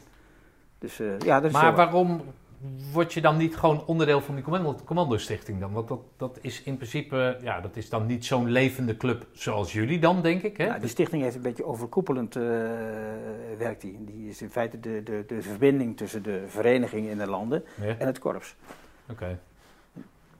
En, en de andere verenigingen, de, de wandelclub, eh, de, de, de KOS, eh, dat soort dingen. Ja, Daar oké. een beetje tussen. Oké, dus, dus, dus jullie gaan je meer richten op, op, op het werven van, van, eh, van nieuwe leden. Ja. Waarin jullie dan een netwerkfunctie hebben. Waarin je elkaar kan helpen. Gaat dat dan ook richting mensen die het, die, die het wat minder hebben dan of zo? Dat is ook een onderdeel waar wij proberen eh, wat meer contacten te krijgen. Je hebt eh, Kamp Koningsbrugge. Uh, Ray heeft daar een hele belangrijke rol. Die heeft een bepaald iets, daar weet je zelf meer van. Daar willen we ons mee gaan verbinden. Om te kijken of we daar wat in kunnen betekenen. In, in de club die hij vertegenwoordigt. Wij willen ook bij het korps wat meer aandacht krijgen of aandacht geven aan het feit dat wij misschien wel voor mensen die in dienst zitten als beroeps eruit gaan omdat hun contract ophoudt of omdat ze zelf besluiten weg te gaan, eh, dat we misschien daar iets in kunnen betekenen om te kijken om in, op die, die maatschappelijke vloer, eh, waar wij natuurlijk onze, onze pionnen hebben, om die misschien daaraan te verbinden. Te zeggen, je kunt daar een stageplek krijgen of je kunt eh, daar informatie halen over hetgeen wat je wilt gaan doen. Dus daarin kunnen we wat doen. Er zijn heel veel dingen die we kunnen gaan doen. Oké. En ik zeg nou, ja, ik zeg nou kunnen gaan doen. Wij zijn echt van mening dat we dat moeten gaan doen. En dat we er echt aandacht aan moeten gaan besteden. Dus we proberen de komende tijd daarin. Hoeveel leden telt, eh, telt de Business Club? Ik denk nu 32 of zo, Oké. 33. Is dat veel? Is dat Vind weinig? ik heel weinig. Het is meer geweest. Hoeveel is het geweest? Eh, ik denk dat we op de hoogtepunt op 43, 44 zaten. Oké, maar het is geen 100 of zo. Nee, nee, nee. nee. Oké, maar daar, is daar actieve werving voor geweest? Of is, Nee. was dat eigenlijk meer van, hé, Het meer zo er van- bij? En, eh, Van horen zeggen ja, ja, oké. of zelf een keer dingen zien. En hoeveel, naar hoeveel leden eh, streven jullie? Ja, het is geen streven naar hoeveel. eh, het is gewoon uitbreiden van. Maar eh, ja, je moet de goede mensen binnenhalen. Mensen die ook wat willen doen. Wat, we hebben veel activiteiten die we ondernemen. Oké, leuke wat, dingen. noem eens wat activiteiten die je gaat... Wat, één, nee, de eerste vraag is, wat kost het? 200 euro per jaar. En wat krijg je daarvoor terug? Daar krijg je voor dat we kwartaalmeetingen hebben. Elk kwartaal hebben we een bijeenkomst. Eh, daarin wordt eh, een onderwerp aangesneden. En dat kan milieu zijn. Dat kan eh, elk onderdeel wat je, als iets interessant is of in deze tijd past, dan proberen we dat aan te snijden. We hebben En dat wordt gegeven dat die lezing of die voordracht wordt Door- verzorgd door een van de leden? een van de leden of iemand van de leden die iemand weet die een Nee, mooi verhaal kan vertellen. Een voorbeeld, ik heb, dat is denk ik nu een jaar geleden, een vent die werkt, die ik zakelijk ken. Dat is een, een, een kistenbouwer, een man die een fabriek heeft die kisten maakt, dus rouwkisten. Maar die is daar directeur geworden in dat bedrijf en eh, die eh, komt uit eh, een hele andere hoek. Die komt uit de bossteelt, uit de, de, de, de bosbouw. Ja. Daar heeft hij in Brazilië, of in, nee, in Bolivia, heeft hij een heel onderzoek gedaan en een heel, gewerkt bij een bedrijf die bosbouw op een heel hoog plan hadden, maar dan in een goed verhaal. Dus als er eh, gekapt wordt, dan worden de juiste bomen eruit gehaald. Dan wordt niet een veld in één keer helemaal kaal gemaakt. Eh daar wordt altijd aan eh, herplanting gedaan. Dus in feite, als hun geweest zijn, is het bos beter dan dat ze kwamen. Hm. Daar heeft hij een heel verhaal over gehouden. En daar had hij een prima verhaal over. Dat heeft hij bij ons gebracht binnen, binnen de club. waar iedereen gewoon muisstil is en luistert naar het boeiende verhaal wat die man heeft. Dus dat soort dingen doen we. En dan puur op milieu gericht. Dat, dat je dus ook groen kunt ondernemen. En dat bosbouw niet verkeerd hoeft te wezen. Althans bosbouw, maar in ieder geval het bosbeheer. Ja. Op een hele mooie manier kan plaatsvinden. Terwijl je er toch geld aan verdient. Oké. En hoe lang duurt zo'n praatje dan? Zo'n praatje duurt dan een uur, anderhalf. Oké. En daarna is het een beetje onder het genot van een borrel. Oké. eh, En waar worden bijpraten. die, eh, die dingen gehouden? Of die, die meetings Eh, gehouden? Verschillende locaties. Eerder gingen we altijd naar eh eh, horecagelegenheden. Of eh, iets wat, eh, en dat werd altijd duur betaald. Nu doen we het zo. Eh, Cornelis Vreken bijvoorbeeld. Die heeft een prachtig eh, gebeuren in de buurt van Ochtend. Cornelis Vreken is? Een Wie is oud dat? commando. Ja. Die heeft een hele mooie locatie waarbij hij trainingen geeft. Eh, daar zijn legertenten, daar zijn kampvuren, daar, zijn, daar is water, daar is van alles wat. Nou, wij maken gebruik van Oh, die, die mogelijkheid om daar in, dat, eh, in die streek bij hem te zijn. Dus daar wordt het gedaan. Oké. Dus dan blijf je een beetje binnen, de, binnen die, die setting van dat, nou ja. Ja, in het groen. Ja, oké. Hey, grappig. Hey, en eh, jullie hebben dus ook als Commando Business Club eh, bemoeienis met, eh, met de reunie. Ja. Wat, wat hebben jullie ook iets gedaan vorige, de afgelopen reunie? Ja, de afgelopen reunie heeft iedereen het jasje gekregen. Wij hebben dat door middel van sponsoring bij elkaar weten te schrapen. En samen met een collega commando die een bedrijf heeft die die dingen maakt. Althans, Wie is dat dan? dat is een Mark-Jan Pothoven. Ja. Die heeft gezorgd via Devon Trade, dat is een bedrijf van hem, Ja. dat die jasjes geleverd werden, gemaakt werden en eh, uitgeleverd werden. Want acht jaar terug, of in ieder geval de vier jaar daarvoor, was er ook een Dat was jasje. ook een jasje, die kwam ook via hem. Oh, die kwam ook via Ja. hem. Oké, dus het idee lag er al. Ja. En toen, toen hebben jullie afgelopen, of de vorige reunie, hebben jullie gezegd, nou, dat willen we nog een keer. Verzoek van de, van de, eh, ja, van de stichting, zal ik maar zeggen, die, eh, Ja. om weer een jasje te doen. En dat hebben we dan ook gedaan. Dus we hebben die jasjes weer En- laten maken. Eh Pothoofd zit bij jullie in de Commando Business Ja, die zat er al. Ja, nou, dat is dus die verbindende factor. En Ja, daar kun je overal gebruik van maken. Oké. Eh, wat, wat, wat dus ik heb, ik heb de jasje vandaag niet aan. want Merendeel van de tijd heb ik hem aan. Ik slaap erin. Ja, goed zo. Eh dank je. Ehm, op jullie konto te schrijven dan? Ja, die is volledig op ons konto te schrijven. Ook de vlaggen die je gezien hebt eh, tijdens de reunie. De klimtoren die prachtig was ingekleed met eh, mooie doeken. Eh, dat zijn de sponsors die ons een warm hart toedragen. En we hebben totaal iets van 52.000 euro bij elkaar geharkt. Daar En daar zijn de jasjes van afgegaan. betaald. Ja, daar zijn de kosten afgegaan en daar zijn vervolgens de jasjes van betaald. Oké, Dus die zijn helemaal door sponsoring, door de Commando Business Club bij elkaar geharkt. oké. Dat, dat weten wij niet, hè? Of ik wist dat niet. Nee, klopt, dat is ook zo. Dat, eh, dat houden jullie gewoon eh Dat stil? hebben we nooit of, eh, ja, stilgehouden, dat is geen bewust. nee, maar dat, eh, het, het mag best wel verteld worden. Dat, Ja. laat, dat, eh, laat dat vooropstellen. Ook in deze reunie, de komende reunie, gaan wij ons weer eh, eh, ja, proberen bezig te houden met iets moois van te maken. eh, naast wat de reuniecommissie doet Oké, natuurlijk. dus de reunie wordt eh, eh, geïnitieerd. Nou ja, goed, iedereen eh, weet dat het één keer in de vijf jaar is. Dus, maar het- geïnitieerd door de Commando Stichting. Ja. Eh, die zet lijnen uit en in een van die lijnen zitten jullie, worden jullie De benaderd. Commando Stichting heeft een, een, een club opgericht, dat is de reuniecommissie. En Ja. die gaat de reunie regelen. En in die commissie is een van onze leden, een van de bestuursleden van, het van de Commando Business Club, is En dat ben jij. stichting. Dus Ja. jij bent Ja. vanuit de Commando Business Club, ben jij daar gedetacheerd. Ja. En wat eh, hebben jullie als doel gesteld binnen die, eh, binnen die aankomende reunie dan? Wat is jullie... Wat is jullie We gaan in ieder geval weer zorgen dat er geld bij elkaar geraapt wordt en geschraapt wordt. En eh, gaan dan samen met de stichting en de commissie eh, kijken waar we dat aan gaan besteden. Oké, maar er zijn er meerdere, meerdere kanalen waarin er geld geworven wordt voor de reunie dan? Of zijn jullie de enige? Ik denk het werven van geld komt alleen van ons. Oké, Voor de rest eh, gaat de, de, de commissie bepalen hoeveel de entree moet gaan worden. Eh, wat dus de, de, de commando die op de reunie komt, wat die gaan, moet gaan betalen. Ja. Want laat wel wezen, ik geloof dat vorige keer is er 35 euro betaald als entree. En ik dat heb niks betaald. Nee, maar dat is perfect.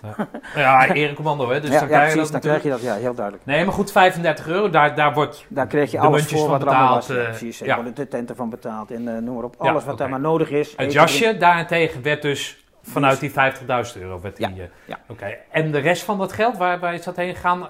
Dat, dat zit in, in het Nou, dragen van de overige kosten, zeg maar. Nee, wij hebben eigenlijk compleet die jasjes. Dat was ons Ah, budget. dat oké. is er compleet eraan Oké, opgegaan. Dus- en als tegenprestatie leefden jullie onder andere die, de klimtoren, Ja. de vlaggen en, eh, en dat soort ja, zaken. dat is de sponsoring. Daar is het geld allemaal Ja, ja, oké. uitgekomen. De bandjes, de polsbandjes die je kreeg, het toegangsbandje wat je kreeg, eh, dat hebben wij geregeld. eh, eh, noem maar op. Oké, dus jullie hebben sponsorpakketten Ja. waarin staat klimtoren kost eh, 5000 euro, Ja. noem maar wat. Precies. Eh, vlag bij eh, ingang A, Ja. eh, eh, bij de tent. Bij- En dan kunnen ondernemers kunnen kiezen. Zijn dat allemaal mensen die opgesloten zitten, of opgesloten niet, maar in ieder geval aangesloten zijn bij die Commando Business Club? Of zijn dat ook ben- bedrijven van buitenaf? Dat zijn bedrijven buitenaf. Dus eh, wij hebben op een gegeven moment bij, tijdens een kwartaalmeeting zijn we bij elkaar gekomen. Dat was ongeveer een half jaar voordat de reunie was. Eh, en toen zijn we gaan zitten met z'n allen en hebben gezegd van nou kom op, we moeten die, eh, die toko gaan runnen. We moeten zorgen dat er wat geld bij elkaar komt om die jasjes te gaan doen. Hoe gaan we dat doen? En Otto van Wigge is bij ons ook lid. En die heeft de stoute schoenen aangepakt en die heeft die avond heeft hij gezorgd dat iedereen zijn telefoon pakte en volop ging bellen met zijn kennissen en met alle krachten die hij in de landen had om te kijken om geld met elkaar te. Dus eh, dan kwam er weer. Ik geloof aan het eind van de avond hadden we al 17.000 euro bij elkaar. Zo, zo kan het gaan. Door even actief te bellen en te zeggen: van, kom op, wil jij. Maar, dus daar mag ik uit opmaken dat het niet aan het eh, Commando Business Club gelieerde bedrijf zijn, maar gewoon bedrijven van buitenaf. Ja. En dan zeggen jullie van, joh, moet je luisteren, wellicht weet je dat één keer in de vijf jaar een reunie is. Je kan een vlag sponsoren en dat kost 500. En, en dan zegt, eh, nou Martin, omdat jij het bent, dan doe ik dat. Precies. Zo gaat het. Zo werkt dat, ja. Ja, ja, oké. Nou, dat is een hele, hele simpele Ja. dan, toch?